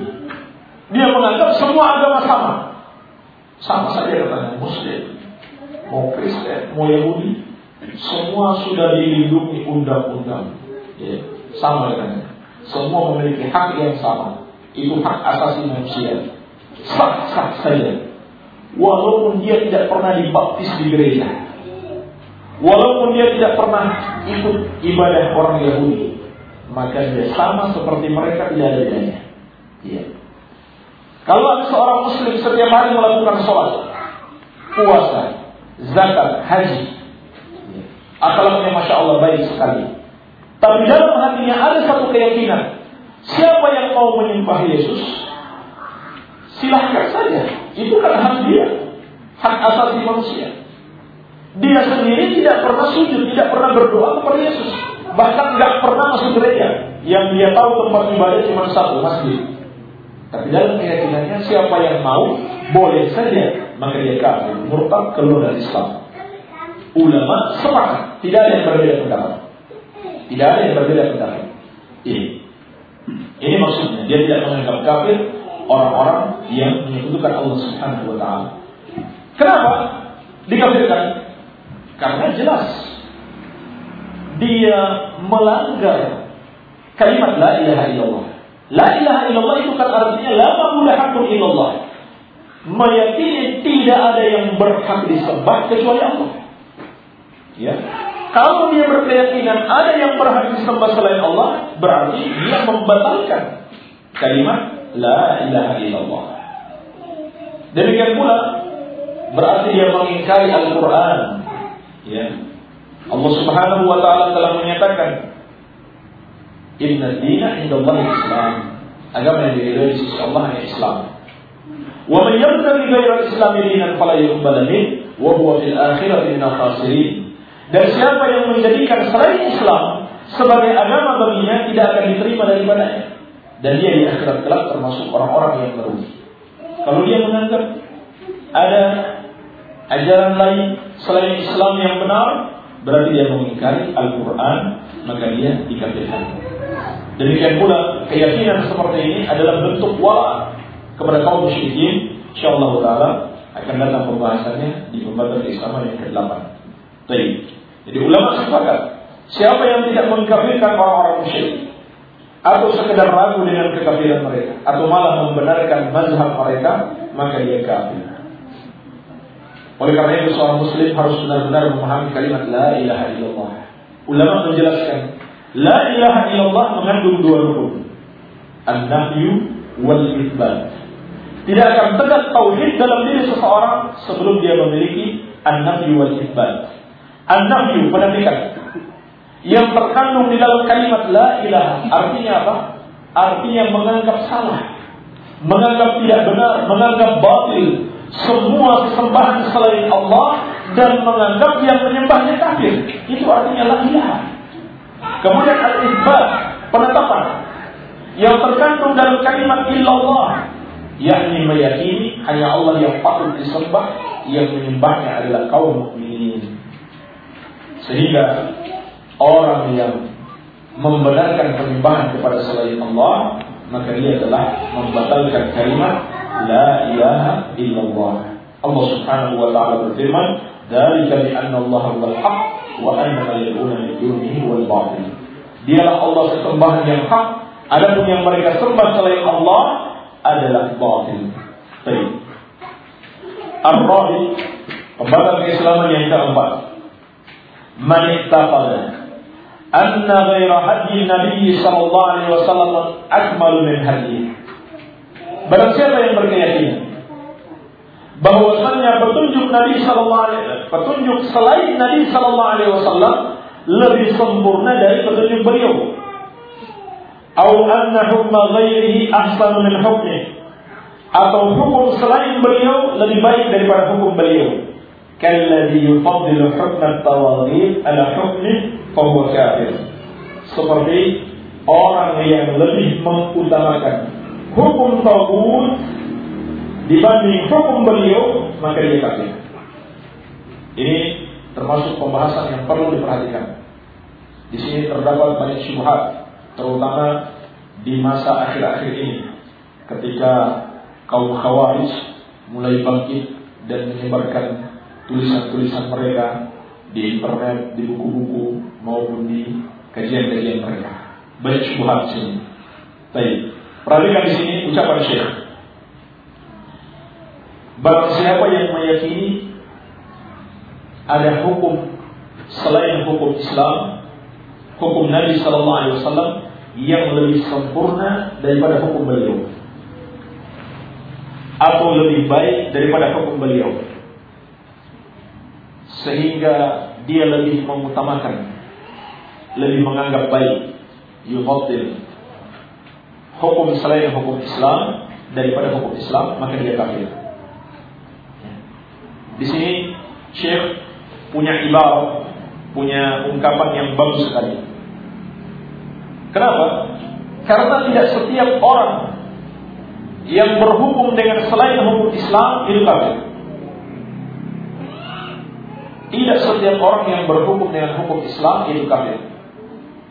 Orang yang berhukum dengan selain hukum Islam diponis kafir apabila dia melakukan satu dari tiga hal. Yang pertama adalah apa yang disebutkan oleh Syekh. Dia menganggap selain hukum Islam lebih bagus. Dia menganggap hukum peninggalan Belanda, ya UUD ujung-ujungnya duit, ya, dan kasih uang habis pekat perkara KUHP, dia menganggap hukum itu lebih baik daripada Al-Quran dan Sunnah. Lebih pas di Indonesia dibanding Al-Quran dan Sunnah. Katanya masyarakat kita kan masyarakat majemuk. Iya. Bukan hanya Muslim. Maka tidak pas Al-Quran Sunnah. Lebih pas hukum peninggalan penjajah. Iya. Belanda. Hukum Islam katanya cuma cocok di Saudi Arabia atau hanya cocok di zaman onta. Ya. Sudah berkeyakinan seperti itu masih menghina lagi. Maka kalau dia menganggap seperti itu kafir, yang murtad keluar dari Islam. Baik, ini yang pertama. Yang kedua, dia menganggap sama. Jangankan dia menganggap lebih baik, dia menganggap sama sejajar antara hukum Islam dan hukum buatan manusia. Ini juga termasuk kekuburan dan disepakati para ulama sebagaimana yang dinukil oleh Syekh Ibnu Baz dalam majmu' fatwa beliau juz kedua halaman 274. Ulama sepakat siapa yang mengatakan misalkan Indonesia ini semua hukum boleh, masyarakatnya masya Allah, ya, semua nerima apa saja, semuanya sejajar. Hukum yang dibuat PBB hukum yang dibuat dewan, majelis permusyawaratan ataupun hukum Islam sama saja, terserah. Ya. Mau dipakai yang mana di Indonesia semuanya pas. Maka dia kafir. Murtad keluar dari Islam disepakati para ulama karena Allah Subhanahu wa taala berfirman, "Wa man ahsanu minallahi hukman liqaumin yuqinun." Dan siapakah yang lebih baik hukumnya dari hukum Allah bagi orang-orang yang yakin. Baik. Dipahami ya? Yang ketiga Yang ketiga adalah menghalalkan apa yang Allah halalkan atau sebaliknya menghalalkan apa yang Allah haramkan atau sebaliknya mengharamkan apa yang Allah halalkan. Baik. Seorang yang berhukum dengan selain hukum Allah, dia difonis kafir yang ketiga, kalau dia menghalalkan sesuatu yang Allah haramkan atau mengharamkan apa yang Allah halalkan. Misalkan ada rapat untuk mengeluarkan undang-undang tentang kamar. Tentang kamar. Dibedakan. Kamar ini sebetulnya haram. Cuma kita butuh pajak. Kita tahu dia haram. Cuma kita butuh pajak, jadi nggak apa-apa darurat katanya. Dihalalkan kamar. Uh, toko-toko kamar, bar-bar yang menjual kamar, nggak apa-apa. Yang penting pajaknya ditinggikan. Iya, pajaknya ditinggikan. Ini tidak dikafirkan ya. Ini tidak dikafirkan. Sudah jelas. Dia berhukum yang selain hukum Allah. Tapi tidak dikafirkan. Berbeda kalau dia katakan khamar kita legalkan di negeri kita karena hukumnya halal. Ya, padahal dia sudah tahu jelas khamar itu haram. Tapi dia halalkan. Hukumnya di negeri kita, khusus di negeri kita halal. Di Saudi Arabia terserah mereka mengharamkan, menghalalkan, tapi di negeri kita halal. Walaupun dia katakan khusus di negeri kita, atau khusus untuk saya, khamar ini halal. Karena saya sudah sampai derajat hakikat, ya, Nanti akan datang pembahasannya. Maka khamar ini halal, ini kekuburan. Ini kekuburan. Baik. Jadi bedakan.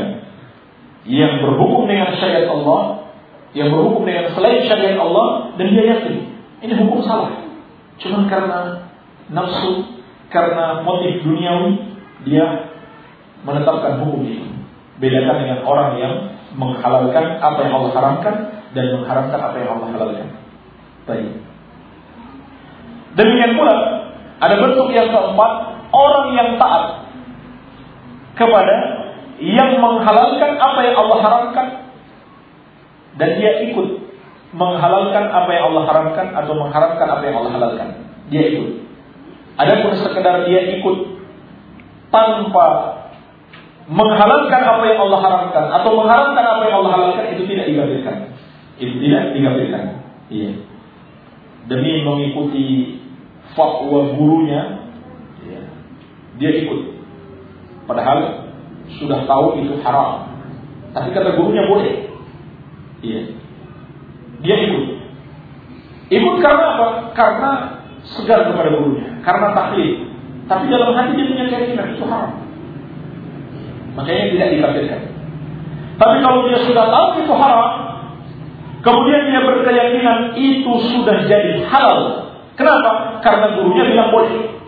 Padahal dia sudah jelas baca Al-Quran wa Sunnah itu hukumnya haram. Tapi gurunya bilang boleh, maka jadi halal. Ini kekufuran. Ini kekufuran. Tapi sini masih banyak perincian, tapi waktu tidak terbatas itu yang paling penting. Jadi maksud firman Allah Subhanahu wa taala, "Wa man lam yahkum bima anzalallahu fa ulaika humul kafirun."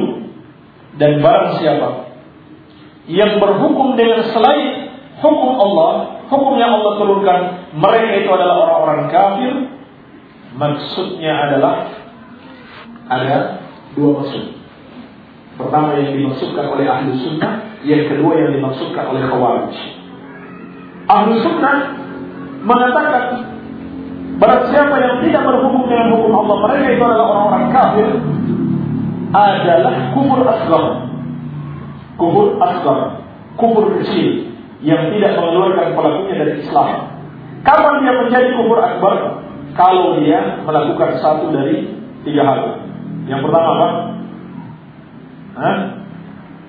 Yang pertama apa? Barusan saya sampaikan. Gimana Pak? Baik, itu yang ketiga, nggak apa-apa. Mulai dari belakang. Menghalalkan apa yang Allah harapkan. Baik, yang kedua.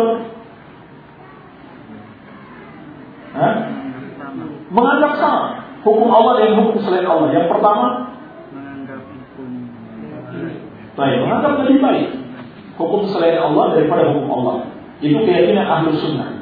Adapun sekedar dia berhukum dengan hukum Allah tanpa ada satu dari tiga keyakinan tersebut, tersebut dia berhukum dengan selain hukum Allah tanpa ada satu dari keyakinan tersebut, dia dihukumi kufur asghar telah melakukan kufur kecil.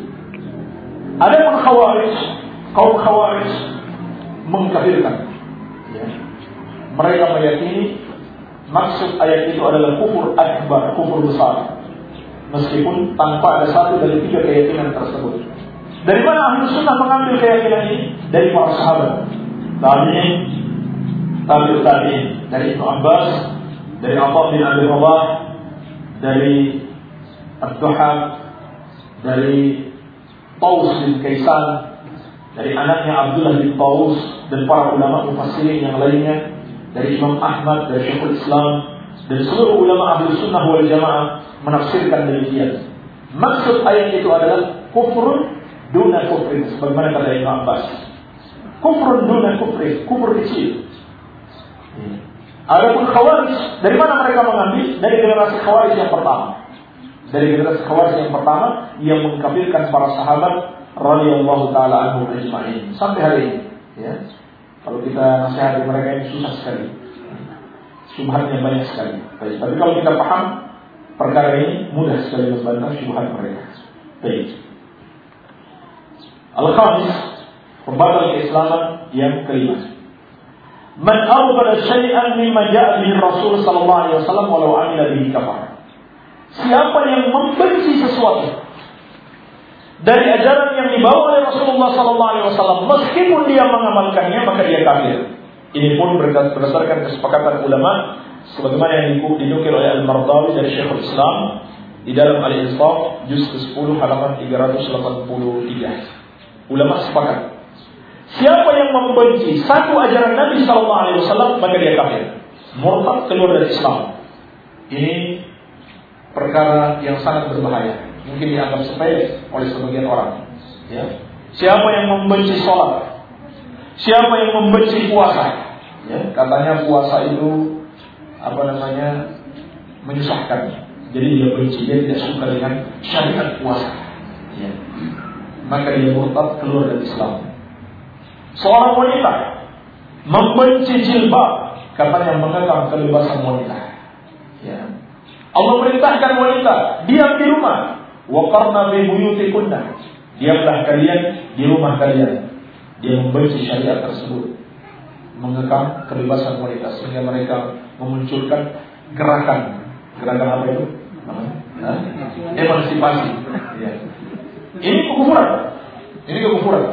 Ya, kalau dia membuat gerakan itu atas dasar kebencian terhadap syariat Islam, ini adalah kekufuran. Baik. Siapa yang membenci syariat berjenggot, walaupun dia berjenggot dia kafir. Ya. Wanita yang pakai jilbab dia benci syariat jilbab dia kafir. Orang yang puasa tapi dia benci syariat puasa dia kafir. Tidak ada pengaruhnya. Dia amalkan atau tidak dia amalkan, asal ada kebencian dalam hatinya maka dia kafir. Sebagaimana firman Allah, "Am yaquluna bihi jinnah bal ja'ahumul haqq wa aktsaruhum lil haqqi karihun." Apakah mereka mengatakan pada Nabi sallallahu alaihi wasallam ada kegilaan? Bahkan telah datang kepada mereka kebenaran.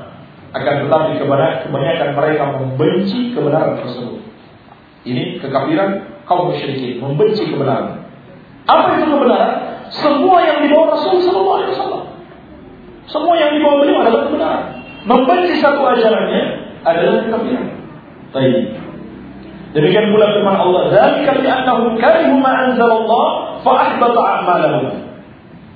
Mereka kafir karena mereka membenci apa yang Allah turunkan, maka Allah menghapuskan amalan-amalan mereka. Kekafiran menyebabkan seluruh amalan terhapus seperti yang kita jelaskan tadi. Baik. Maka dari ini menunjukkan orang yang membenci satu pun ajaran Nabi Sallallahu Alaihi Wasallam, baik itu dianggap sunnah atau wajib, maka itu adalah kekafiran. Baik. Agar tetapi ulama memberikan perincian tentang kebencian ini. Kebencian itu ada dua bentuk. Ada benci yang sifatnya tabiat, ada benci yang sifatnya syar'i. Contoh benci sifatnya tabiat. Benci kepada peperangan. Tidak suka peperangan. Itu sudah sifat manusia. Allah ciptakan manusia seperti itu. Tidak suka ribut-ribut. Ya. Tidak suka saling mencela, saling mencerca. Ya. Makanya kalau ada yang senang begitu, itu sudah keluar dari tabiat. Apalagi kalau ahlu sunnah. Ya. Itu keluar dari ahlu sunnah juga. Tabiat ahlu sunnah. Tadi. Yang senang seperti ini. Sebagaimana firman Allah, "Kutiba alaikumul kitab wa huwa qurbul lakum." Diwajibkan atas kalian berperang dan berperang itu dibenci oleh kalian. Allah akui berperang itu dibenci oleh manusia. Bencinya kepada apa? Kepada perang bukan kepada syariat berperang. Beda ya? ya benci berperang. Tetapi tidak benci kepada syariat jihad, syariat berperang. Ya. Ada yang tidak mau berperang karena tidak suka dengan syariat jihad, maka dia kafir. Meskipun dia ikut berjihad, kalau dia benci dengan syariat jihad, maka dia kafir. Iya. Jadi benci yang dimaksudkan di sini benci secara syariat dia membenci syariat Allah Subhanahu wa taala. Baik, contoh lain. Wanita tidak suka dimadu katanya. Ya. Maunya diracun. dimadu nggak mau kalau begitu diracun aja. Baik. Wanita tidak suka dimadu, dipoligami. Ya.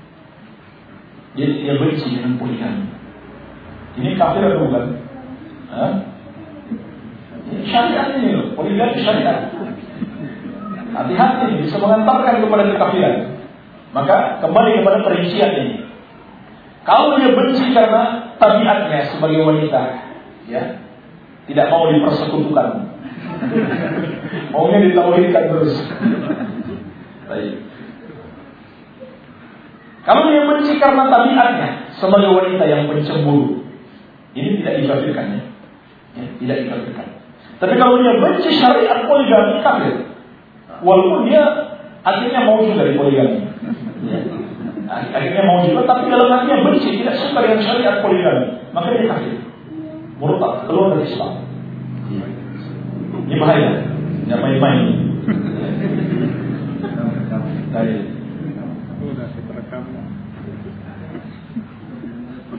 Jadi kalau dia benci hanya karena tabiat, ini hukumnya mubah saja. Tidak juga berdosa, apalagi sampai dikafirkan dan tetapi dia bisa menjadi dosa. Kapan itu? Kalau mengantarkannya melakukan hal yang tercela. Ya. Kalau mengantarkannya melakukan hal yang tercela, seperti dia halang-halang sebagainya, mau melakukan kebaikan. Mau menyelamatkan ya saudarinya. Kalau dia halang-halangi berdosa, ya halang-halangi berdosa. Harusnya dibantu. Ya. Harusnya dibantu suaminya supaya dia dapat pahala. Asalis Pembatal keislaman yang keenam Man istahza'a bi syai'in min Rasul sallallahu alaihi wasallam.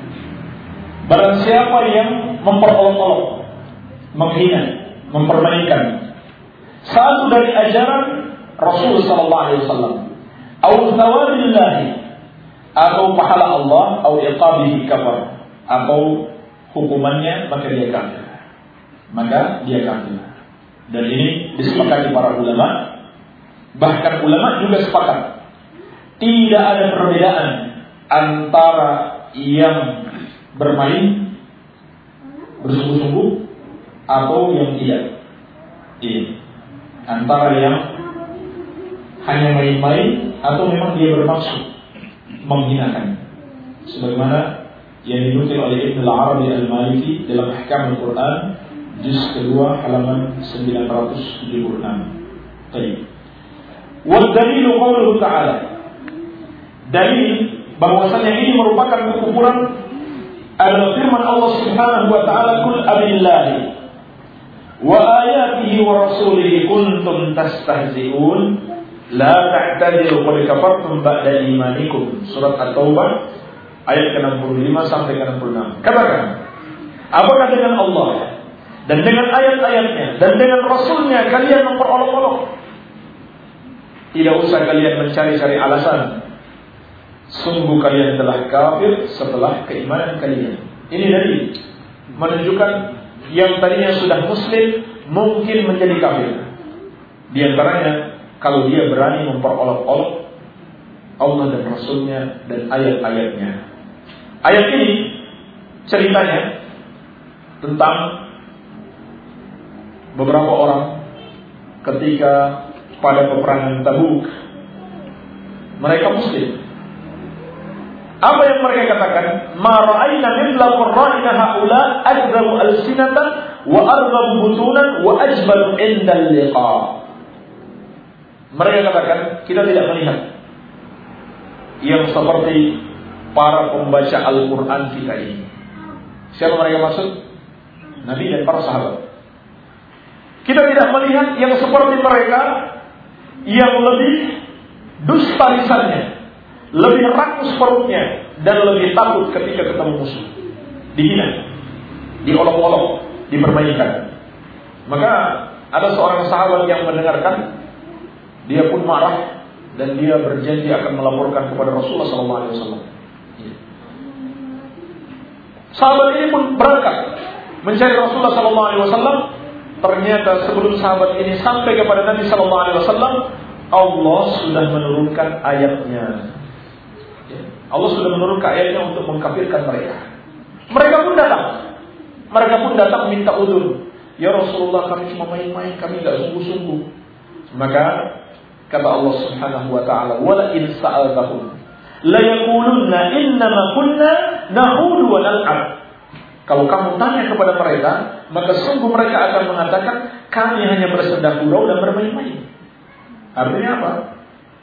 Sama saja. Dia sungguh-sungguh atau bermain-main, serius atau tidak serius, sama dikafirkan. Maka kata Allah, "Qul abillahi wa ayatihi wa rasulihi kuntum tastahzi'un." Katakan kepada mereka, apakah dengan Allah, dengan ayat-ayatnya dan dengan rasulnya kalian memperolok-olok? La ta'tadiru. Tidak usah kalian mencari-cari alasan. Kalau kafartum ba'da imanikum. Kalian telah kafir setelah keimanan kalian. Baik. Dan bentuk memperolok-olok ini bisa jadi sorry, tegas, nyata, dan bisa jadi lain sorry, tidak tegas, seperti memperolok-olok dengan mata, ya, kedip-kedip mata, baik, atau dengan al-muhakah diikuti, ya, bentuk-bentuknya baik dalam perbuatan maupun dengan ucapan atau dengan isyarat-isyarat, baik. Bentuk-bentuknya seperti orang yang menghina, mempermainkan, memperolok-olok sholat, puasa, zakat, atau sebagian ayat-ayat Allah ya, dibaca dalam bentuk memperolok-olok, mempermainkan ayat-ayat Allah, mempermainkan Al-Quran, mempermainkan hadis-hadis Nabi Sallallahu Alaihi Wasallam, bahkan termasuk yang memperolok-olok ayat-ayat kauniyah. Seperti dicontohkan oleh Syekh Ibnu Taimiyah rahimahullah orang yang mengatakan adanya adanya panas di musim dingin adalah kebodohan. Ya, padahal dia sudah tahu itu ciptaan Allah. Dia perolok-olok perbuatan Allah, maka ini juga termasuk kekufuran. Demikian pula kata Imam Nawawi rahimahullah taala, orang yang mau berzina masih sempat memperolok-olok, dia katakan Bismillah. Ya. Itu dicontohkan Imam Nawawi rahimahullah taala. Mau berzina masih sempat memperolok-olok, dia katakan Bismillah. Ya. Jadi bagaimana hukumnya minum khamar? Gak baca Bismillah. Baik. Hukumnya nggak boleh dia minum khamar. Baik. Demikian pula termasuk dalam bentuk ini memperolok-olok para ulama, wasalihin, wa ahlus sunnah. Memperolok-olok mereka. Memperolok-olok orang saleh. Tetapi di sini ada dua perincian bentuk memperolok-olok ada yang termasuk kekafiran, ada yang termasuk dosa besar. Kalau dia memperolok-olok ahlus sunnah, para ulama dan orang-orang saleh, karena sifatnya mungkin masalah dunia mereka ya atau rupa mereka yang jelek misalkan atau cacat tubuh yang ada pada mereka iya. Atau mungkin akhlak yang jelek yang ada pada mereka. Maka ini termasuk dosa besar yang Allah peringatkan dalam Al-Quran la yaskhar qawm min qawmin asa ay yakuna khairan minhum tidak boleh satu kaum menghina kaum yang lain, bisa jadi yang dihina itu lebih baik daripada yang menghina. La yaskhar qaum min qaumin asa ay yakuna khairan minhum. Wala nisa'u min nisa'in asa ay yakuna khairan minhunna. Demikian pula para wanita jangan memperolok wanita yang lain, bisa jadi yang diperolok-olok itu lebih baik daripada yang memperolok-olok. Dan Nabi sallallahu alaihi wasallam telah memperingatkan Allah Subhanahu wa taala berfirman, man adani wali man adali waliyan faqad azantuhu bil harb. Siapa yang memusuhi waliku, maka aku umumkan perang terhadap mereka. Ini bahaya. Adapun kalau yang diperolok-olok itu karena amalan sunnah atau kewajiban yang mereka kerjakan, maka ini dikafirkan. Ya, seperti orang yang mengatakan yang berjenggot itu seperti kambing. Ya, hati-hati. Ya, mungkin mereka menganggap ini cuma permainan biasa. Ini kekufuran. Ya. Memperolok-olok sunnah.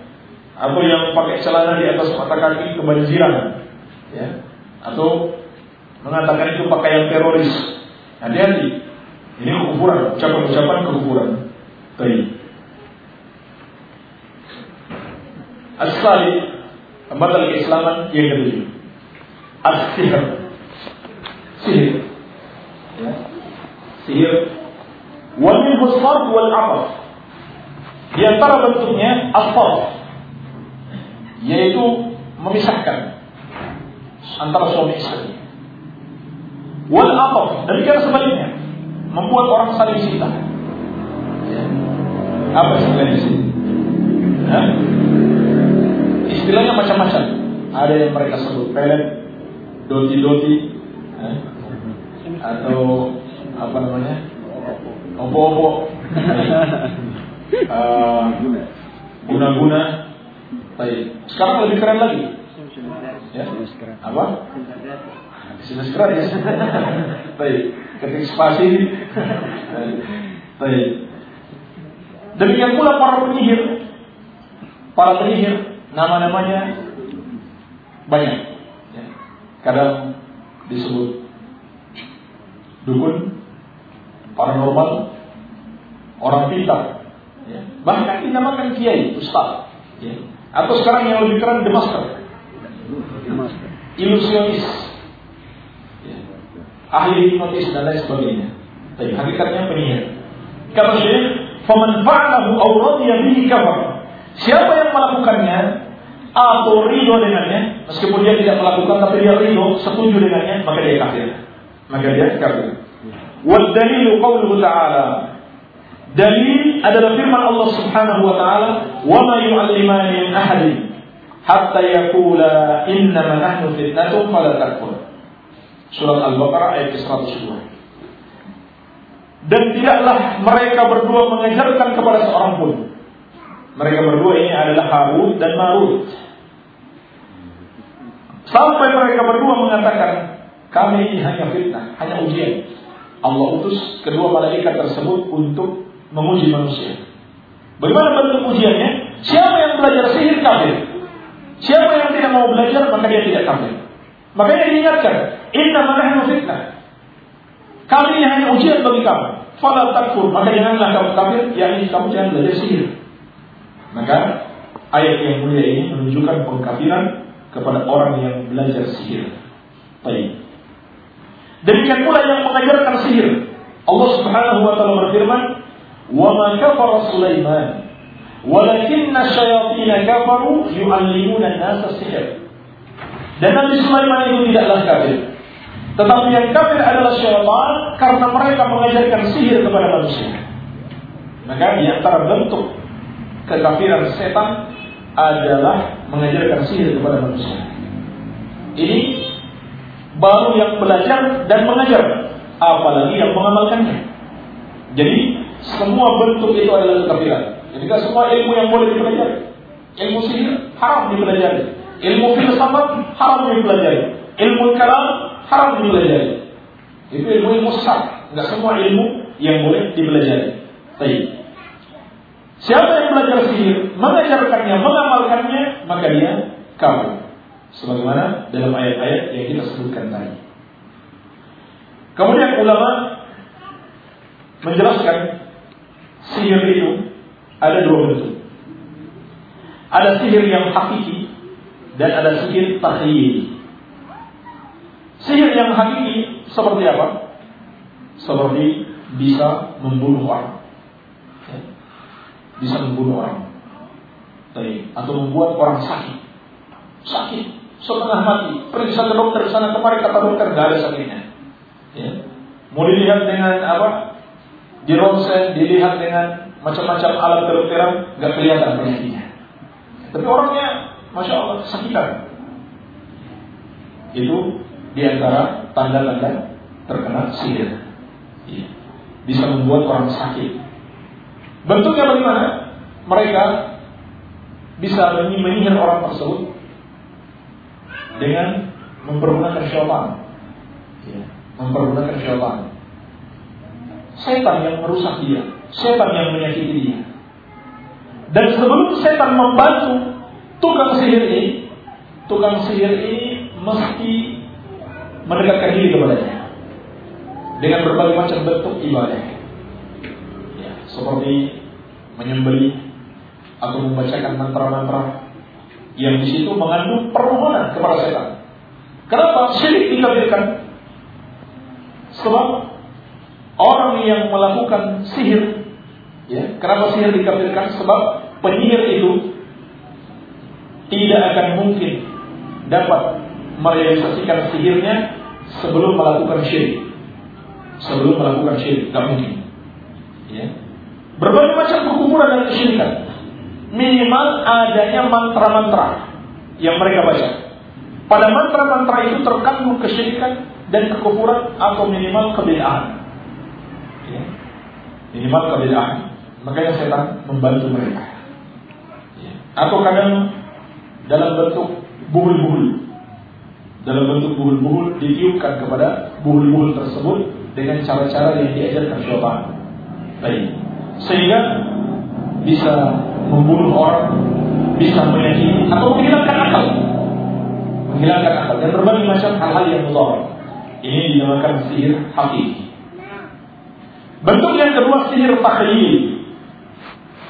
Sihir pengkhayalan. Tidak terjadi sesuai kenyataan.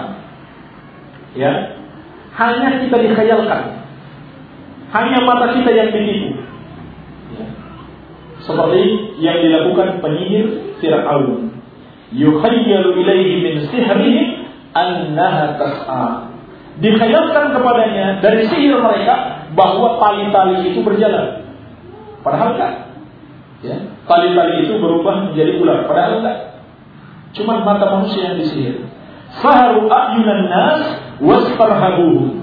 Mereka menyihir mata-mata manusia dan membuat manusia takut. Ya, disihir mata-mata manusia, padahal hakikatnya tidak. Ya, seperti apa namanya uh, orang yang membunuh seseorang kemudian bisa dihidupkan lagi. Ya. Disembeli lehernya kemudian dia hidupkan lagi itu tidak betul, nggak terjadi sesuai kenyataan. Atau daun-daun dia rubah jadi uang, ya daun-daun dia rubah jadi uang. Ini nggak betul, nggak sesuai kenyataan. Itu hakikatnya cuma mata kita yang disihir. Atau orang yang makan beli, ya, makan beli demonstrasi dengan pedang, memotong-potong tubuhnya, itu nggak betul-betul terjadi. Ya. Itu cuma tipuan, tipuan mata. Ya. Dan berbagai macam bentuk yang lainnya. Dan ulama sepakat tukang sihir tidak bisa merubah hakikat. Itu sepakat ulama, tidak bisa. Manusia tidak akan bisa dirubah jadi kolot. Ya. Saya kutuk kamu jadi kolot. Ya. Gak bisa, itu hanya ada di film-film. Ulama sepakat, itu tidak mungkin terjadi, mustahil. Ya. Yang mampu melakukannya hanya Allah Subhanahu wa taala kunu kiradatan khasiin. Jadilah kalian kera-kera yang hina. Ya, kutukan Allah kepada orang-orang Yahudi, eh, orang Yahudi. Jadilah kalian kera-kera yang hina. Ya. Ulama sepakat sebenarnya dinukil oleh Imam Al-Qurtubi dalam tafsir beliau juz kedua halaman 47. Baik. Demikian pula atraksi menyembelih orang kemudian kepalanya disambung kembali itu semuanya palsu, ya, tidak benar. Pernah terjadi di masa para sahabat. Diriwayatkan oleh Imam Al-Bukhari dalam tarikh beliau dari Abu Uthman Al-Indi. Dia mengatakan, "Kana indal walid rajulun yal'ab fadabaha insana wa abana ra'sahu." Dulu di hadapan Al-Walid khalifah ketika itu ada seorang penyihir yang melakukan atraksi. Dia menyembelih seseorang, dipisahkan kepalanya. Fa'ajibna kami pun heran. Fa'ala ra'sahu. Lalu dia mengembalikan kepalanya. Ya, sambung kembali. Ini tidak betul terjadi. Kalau betul terjadi sudah mati orang itu. Ini cuma mata kita yang ditipu. Faja'a Jundub al-Azdi faqatalahu. Maka datang sahabat yang mulia Jundub al-Azdi lalu ditebas ya. Apa namanya leher penyihir tersebut matilah dia. Ya. Dia tidak bisa mengembalikan kepalanya sendiri. Akhirnya beliau mau tunjukkan ini berdusta, ini penyihir. Ternyata kepalanya sendiri dia tidak bisa uh, satukan kembali. Dan itu adalah hukuman bagi tukang sihir. Itu adalah hukuman bagi tukang sihir. Dalam Sahih Al-Bukhari dari Majalah dan Abadah dia mengatakan kata Umar bin Khattab aniktul kulla sahir wa sahiratin Umar bin Khattab menulis surat kepada gubernurnya, bunuhlah setiap penyihir laki-laki maupun wanita. Kata Bajarah, Waqatalna thalatha sawahir. Kami bunuh pada hari itu tiga penyihir. Dan telah sahih dari Hafsah radhiyallahu anha annaha amarat biqatli jariyatin laha saharatha faqutilat.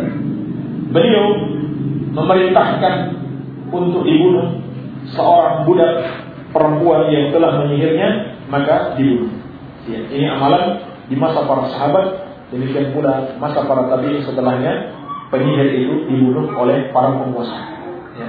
Bukan kita yang membunuh ya. ya. Bukan kita tahu ini penyihir ini. Ya. Lalu kita tangkap dia dan kita bunuh bukan. Itu hak penguasa. Tadi. Adapun kita nasihati.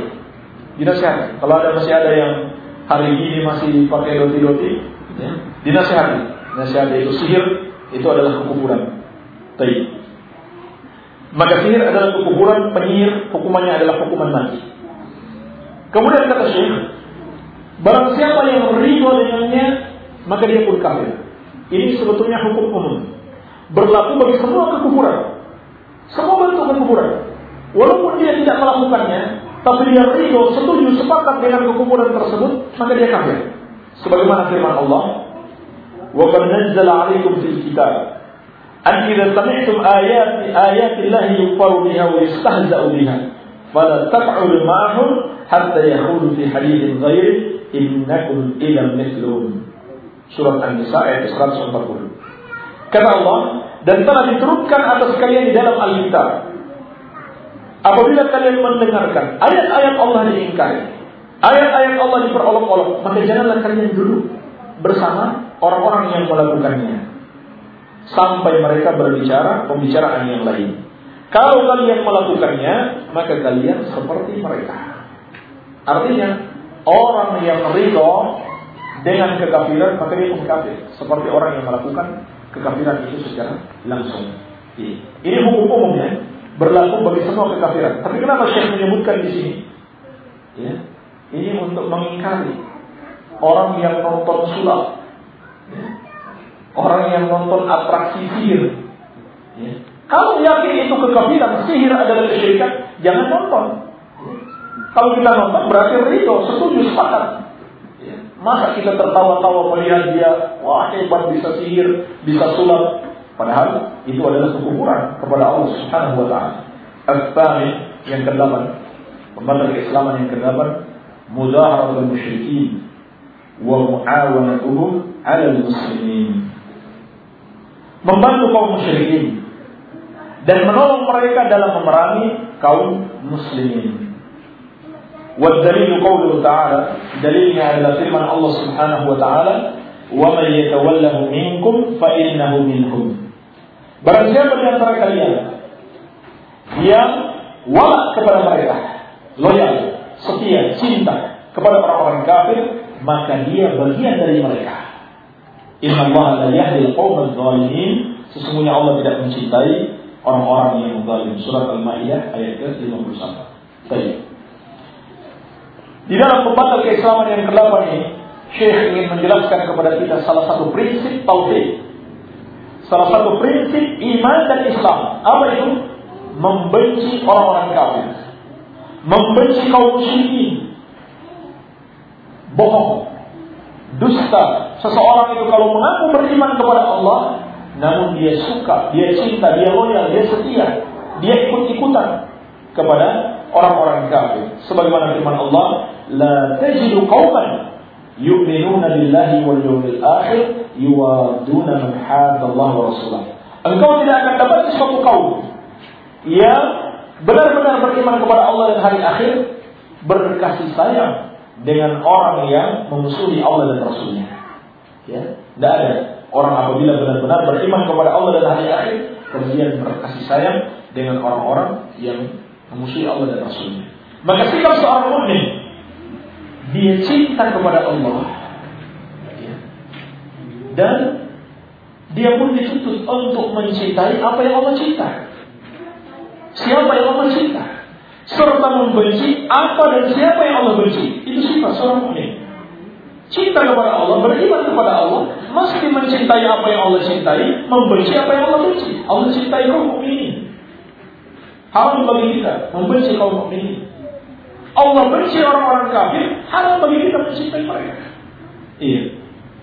Dan ulama menjelaskan dalam hati seorang mukmin harus ada minimal empat perkara. Yang pertama, membenci orang-orang kafir. Yang kedua, memusuhi mereka. Yang ketiga, meyakini kekafiran mereka. Yang keempat, memerangi mereka apabila telah terpenuhi syarat-syarat untuk memerangi mereka. Ya. Jika terpenuhi ya, syarat-syarat untuk memerangi mereka. Baik. Maka inilah sifat seorang mukmin. Cinta kepada kaum mukminin dan benci kepada orang-orang kafir. Di sini kata Syekh, siapa yang menolong kaum musyrikin dan membantu mereka untuk memerangi kaum muslimin? Di sini Syekh tidak mengatakan seperti yang sebelumnya, maka dia kafir ya. Sebab di sini ada perincian. Ada perincian. Tidak semua yang menolong kaum musyrikin yang wala kepada mereka dikabirkan. Ya. Ada dua perincian. Yang pertama, menolong kaum musyrikin atau cinta kepada mereka karena agama mereka. Karena agama mereka. Maka ini kafir. Murtad keluar dari Islam. Bentuk yang kedua, cinta kepada mereka, menolong mereka. Kenapa? Karena mengharapkan dunia. Ya. Karena ada iming-iming dunia. Suka dibantu oleh mereka. Maka ini adalah dosa besar, namun tidak sampai kepada kekafiran. Tidak sampai pada kekafiran. Makanya seorang mukmin itu harus benar-benar membenci orang kafir. Kenapa? Karena mereka Allah, karena mereka dibenci oleh Allah. Sehingga untuk sekedar tinggal bersama mereka itu hukumnya haram. Nabi Shallallahu Alaihi Wasallam telah memperingatkan, "Ana bariun min muslim baina adhul musyrikin." Aku berlepas diri dari seorang muslim yang tinggal di tengah-tengah kaum musyrikin. Ini sebagai bentuk kebencian kepada mereka, tidak boleh kita tinggal bersama mereka. Ini harus melakukan hijrah, harus melakukan hijrah. Oleh karena itu hukumnya haram berpergian, mendatangi, berwisata, apalagi sampai tinggal di negeri-negeri kafir. Ini hukumnya haram, kecuali dengan empat syarat. Yang pertama, ada kebutuhan darurat. Misalkan mau berobat, ya, pengobatan tidak ada di Indonesia, adanya di Singapura. Yang kedua, dia memiliki iman. Dengan imannya bisa menolak hawa nafsu. Yang ketiga dia memiliki ilmu yang dengannya dia bisa menolak syubhat. Yang keempat dia bisa mengamalkan agamanya. Ya. Misalkan kalau wanita-wanita muslimah dilarang menggunakan jilbab di satu negeri, wajib mereka untuk pindah hijrah. Ya. Dan kelak kalau mereka mampu berhijrah, mereka tidak hijrah, maka Allah tidak akan menerima alasan mereka tidak mengamalkan syariat. Alam takun ardullahi wasi'ah tuhajiru fiha akan dikatakan kepada mereka, bukankah bumi Allah itu luas sehingga kalian bisa berhijrah kepadanya? Ini. Jadi seorang mukmin harus benci, harus benar-benar benci kepada orang-orang kafir sampai tidak mau tinggal bersama mereka. Maka sangat mengherankan kalau ada seorang muslim yang masih senang dengan orang kafir. Apalagi senangnya cuma masalah apa? Dia jago main sepak bola. Ya. Apalagi senangnya karena maksiat, actingnya hebat. Ya. Dia gitaris hebat. Ya. Dan macam-macamnya. Karena maksiat, nyanyian, lagu-lagu dan alat-alat musik. Baik. Atas yang kesembilan. Man anna ba'd nas يسعه الخروج عن شريعة محمد صلى الله عليه وسلم كما وسع الخضر الخروج عن شريعة موسى عليه السلام فهو كافر. Barang siapa yang berkeyakinan ada sebagian manusia yang boleh keluar dari syariat Muhammad sallallahu alaihi wasallam sebagaimana Nabi Khidir bisa keluar dari syariat Musa alaihi wasallam maka dia kafir dan ini berdasarkan kesepakatan ulama sebagaimana yang dinukil Syekhul Islam Ibn Taimiyah rahimahullah sebagaimana dalam Majmu' al-Fatawa bahwasanya Nabi Muhammad sallallahu alaihi wasallam diutus untuk seluruh kaum muslimin. Siapa yang mengingkarinya dia kafir. Dalam Majmu' al-Fatawa juz 10 halaman 434 demikian pula dalam Al-Furqan halaman 169 Baik. Dan juga dalam Fathul Bari juz pertama halaman 292 Maksudnya di sini, Syekh ingin membantah keyakinan sebagian orang. Katanya agama itu dibagi menjadi dua. Syariat dan hakikat. Ya. Ada yang lebih merinci lagi. Syariat, hakikat, hakikat, makrifat. Tapi intinya dua. Syariat dan hakikat. Kata mereka, dengan amalan-amalan tertentu zikir-zikir yang mereka ciptakan, seseorang itu akan mencapai derajat hakikat. Kalau dia sudah sampai derajat hakikat, maka dia sudah tidak perlu lagi sholat, Tidak perlu lagi puasa, tidak perlu lagi zakat.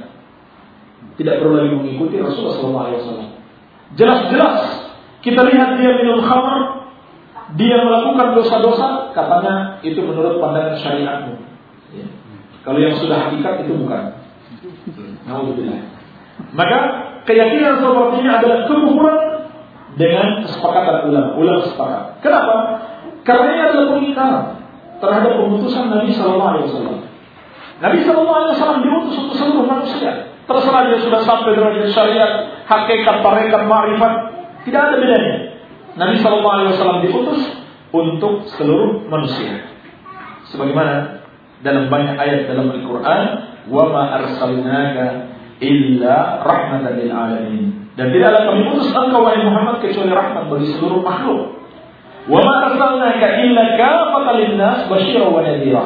Dan tidaklah kami utus engkau wahai Muhammad kecuali kepada seluruh manusia sebagai pemberi peringatan, sebagai pemberi kabar gembira dan peringatan. Qul ya ayuhan nas inni rasulullah ilaikum jami'an. Katakan, wahai sekalian manusia, aku adalah utusan Allah untuk kalian semuanya. Tidak ada bedanya. Ya, tidak dibedakan. Mau derajat syariat atau hakikat semuanya harus tunduk dengan syariat Nabi Sallallahu Alaihi Wasallam. Dalam hadis Jabir bin Abdullah radhiyallahu taala dalam riwayat Al Bukhari dan Muslim, Nabi Sallallahu Alaihi Wasallam bersabda, "Kana Nabi yub'atu ila qaumihi khassa wa bu'ithu ila nasi 'ammah." Dahulu para nabi diutus kepada kaumnya secara khusus. Sedangkan aku diutus kepada seluruh manusia. Ini. Jadi yang berkeyakinan seperti ini dia kafir kenapa? Pertama mengingkari pengutusan Rasul Sallallahu Alaihi Wasallam, mengingkari syahadat anna Muhammad Rasulullah, bukan Muslim. Muslim harus ber, harus yakin dengan syahadat anna Muhammad Rasulullah. Yang kedua mengingkari Al-Quran, mengingkari Al-Quran Karim. Iya, makin jelas adalah kekufuran. Baik. Dan di sini mereka punya syubhat. Mereka punya syubhat. Syubhatnya apa? Atau alasan yang mereka pegang yaitu Nabi Khidir alaihissalam Nabi Khidir alaihissalam katanya tidak terikat dengan syariat Musa tidak mengikuti syariat Musa alaihissalam Baik. Sekarang bagaimana menjawab syubhat ini? Jawaban yang pertama seperti yang kita sebutkan tadi Nabi Musa tidak seperti Nabi Muhammad. Nabi Musa diutus untuk kaumnya saja. Nabi Musa diutus untuk kaumnya saja. Dan Nabi Khidir bukan termasuk kaum Nabi Musa. Bukan termasuk kaum Nabi Musa. Bahkan beliau adalah Nabi tersendiri yang mungkin punya umat tersendiri.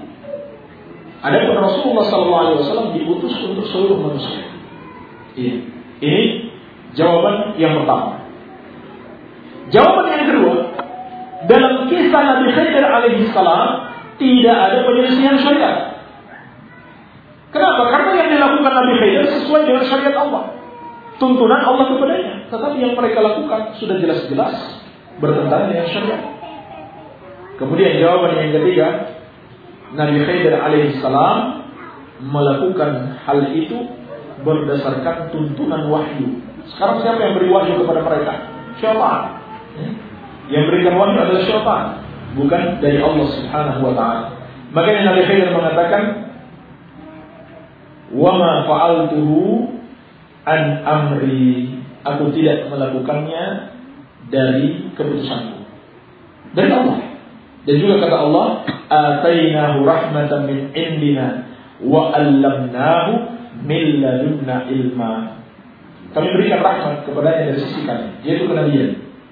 Dan kami ajarkan kepadanya ilmu dari sisi kami. Kepada siapa? Allah ajarkan kepada para nabi. Kepada Khidir alaihissalam dan yang lainnya. Iya. Bukan kepada seluruh makhluknya. Itu bantahan. Dan sini juga ada keyakinan mereka yang menyimpang. Mereka yakin kalau begitu posisi para wali lebih tinggi dari para nabi. Karena mereka yakin Nabi Khidir alaihi salam adalah wali, bukan nabi. Ini keyakinan sufi dan keyakinan sebagian ahli sunnah. Ada pendapat sebagian ulama ahli sunnah. Siapa Nabi Khidir? Apakah seorang nabi atau seorang wali? Jumhur al-sunnah mengatakan dia nabi. Sebagian mengatakan wali. Tetapi berbeda ahlu sunnah yang mengatakan wali dan kaum sufi yang mengatakan dia wali. Kalau kaum sufi mengatakan dia wali atas dasar keyakinan wali itu derajatnya lebih tinggi dari para nabi. Dan ini keyakinan yang batil. Jelas kebatilannya. Ya. Dan yang benar Nabi Khidir alaihissalam adalah seorang nabi. Sebagaimana dalil yang kita sebutkan tadi, beliau menerima wahyu, Allah berikan wahyu kepadanya. Dan yang menerima wahyu adalah para nabi dan rasul alaihi salatu wassalam. Demikian pula di dalam Al-Qur'an Allah mengatakan alimul ghaibi fala yudhiru ala ghaibihi ahadan illa man irtada min rasulin. Allah yang mengetahui perkara gaib. Allah tidak tampakkan hal yang gaib kecuali kepada yang Allah ridhoi dari kalangan para rasul. Khairan ditampakkan perkara gaib, yaitu apa yang akan terjadi di masa depan, menunjukkan bahwasanya beliau seorang rasul. Baik. Apakah Nabi Khidir masih hidup atau sudah meninggal dunia? Hah? Katanya ada yang pernah ketemu Nabi Khidir Hah? Halus katanya. Oh, ada yang pernah jabat tangan ya? Baik. Ini sebetulnya juga ada pendapat sebagian ulama ahli sunnah yang mengatakan beliau masih hidup. Namun yang benar beliau sudah meninggal dunia. Berdasarkan firman Allah Subhanahu wa taala, "Wa ma ja'alna li basharin min qablika khuld apa in mitta fahumul khalidun." Dan kami tidak menjadikan seorang pun sebelummu kekal. Apakah kalau engkau mati lalu mereka kekal? Iya. Ini dari menunjukkan tidak ada yang kekal. Demikian pula dalam hadis Bukhari dan Muslim, Nabi Shallallahu Alaihi Wasallam pernah bersabda, "Ara'aytum lailatakum hadhihi fa innahu ala ra'si mi'ati sanatin la yabqa ala wajhi al-ardi mimman huwa alaihi al-yawm ahadun." Kata Nabi Alaihi Wasallam, ketahuilah pada malam hari kalian ini sesungguhnya sepanjang 100 tahun ke depan, ya, pada 100 tahun ke depan tidak akan tersisa satupun yang hidup pada malam hari ini. Ya. Jadi setelah Rasulullah mengatakan demikian, 100 tahun mesti semuanya sudah mati. Ya. Yang ada generasi baru tadi.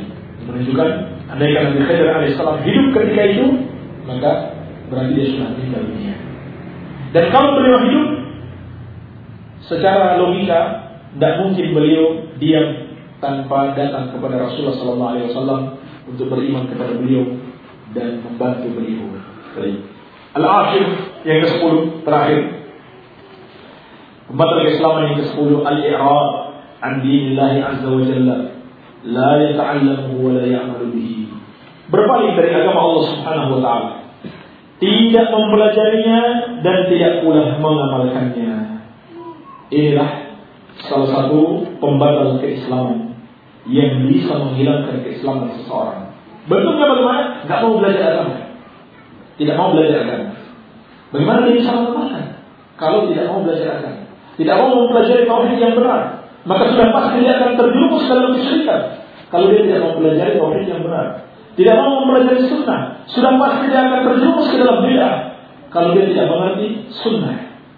Oleh karena itu, di antara ciri ahli sunnah semangat mereka yang besar di dalam menuntut ilmu agama. Ya. Sebab menuntut ilmu adalah pokok agama. Siapa yang berpaling darinya bisa menyebabkan kepada kekufuran. Namun kekufuran yang dimaksudkan di sini adalah al-i'rad bil kulliyah. Al-usul din wa tafasilihi ba'da ma Berpaling dari agama secara menyeluruh. Baik usulnya maupun cabang-cabangnya setelah diingatkan. Bagaimana bentuk berpalingnya? Tidak membenarkan, tidak pula mendustakan. Ya, istilahnya cuek aja. Dia tidak membenarkan, tapi tidak juga mendustakan. Tidak membantu, tidak juga mengusungnya. Ya, istilahnya poros tengah. Enggak memusuhi, tapi juga enggak membantu. Maka dia digolongkan ke mana? Apakah di golongan poros tengah atau di golongan mukmin? Golongannya adalah golongan kafir. Ya.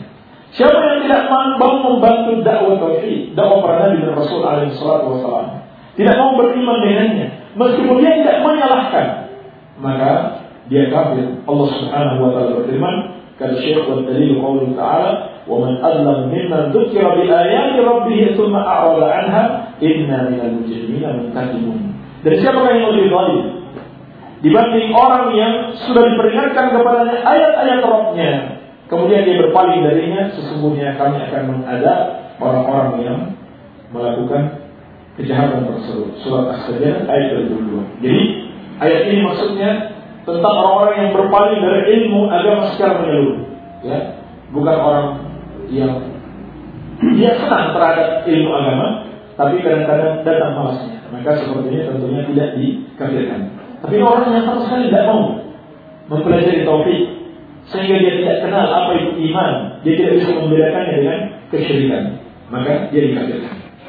Kemudian pada bagian akhir Syekh mengatakan wala farqa fi jami hadhihi nawaqid bain al-hadith wal jad wal khaif.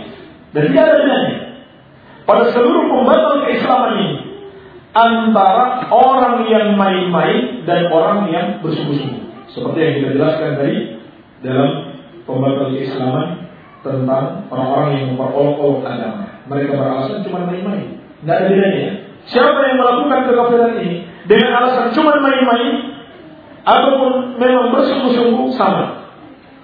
Wal khaif juga tidak ada bedanya orang yang melakukannya karena takut. Ya. Dia melakukan kekafiran alasannya apa takut? Sama. Dia juga dihukum kafir illa al-mukrah kecuali orang yang dipaksa. Beda ya, orang takut dan orang yang dipaksa beda. Kadang orang belum dipaksa sudah takut. Ya, belum dipaksa sudah takut.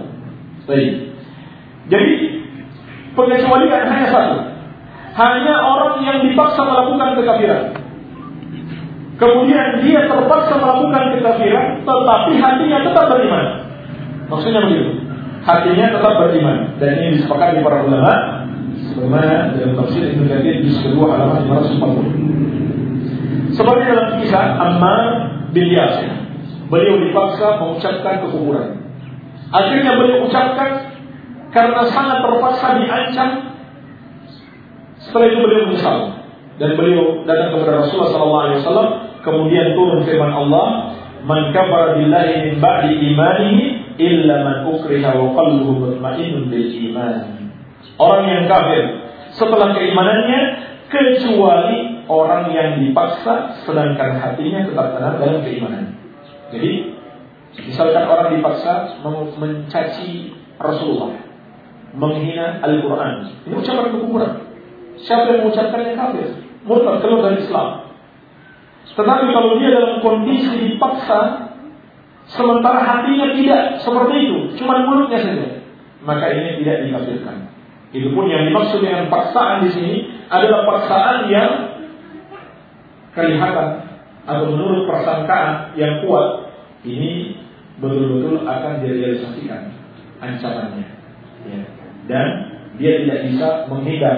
Ya, kalau yang apa namanya memaksanya, misalkan yang mengancamnya anak kecil, ya tentunya ini tidak bisa atau dia masih mungkin bisa lari ya bisa melawan tentunya tidak boleh dia mengucapkan kuburan baik kata Syekh wa kullu min a'zami ma yakuna khatara semua pembatal keislaman ini termasuk yang paling besar bahayanya wa min akthar ma yakunu muqa'a dan paling banyak terjadi Fa yang bagi muslim ay yahdaraha wa yakhafa minha ala nafsi maka sepatutnya bagi seorang muslim untuk takut darinya dan mengkhawatirkan jangan sampai dirinya melakukannya.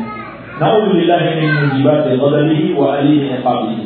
Kita berlindung kepada Allah dari hal-hal yang menyebabkan kemarahannya dan pedihnya azabnya dan pedihnya kemarahannya.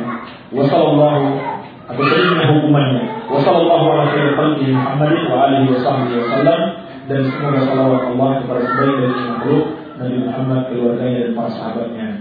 Sallallahu alaihi wa alihi wasallam. Walhamdulillah kita sudah selesai dari pembahasan kita Nawatul Islam. Semoga manfaatnya. لدينا القرآن يسمعنا معك سبحانك اللهم وبحمدك أشهد أن لا إله إلا أنت أستغفرك وأتوب إليك وصلى الله على نبينا محمد وعلى اله وسلم وآخر دعوانا أن الحمد لله رب العالمين والسلام عليكم ورحمة الله وبركاته.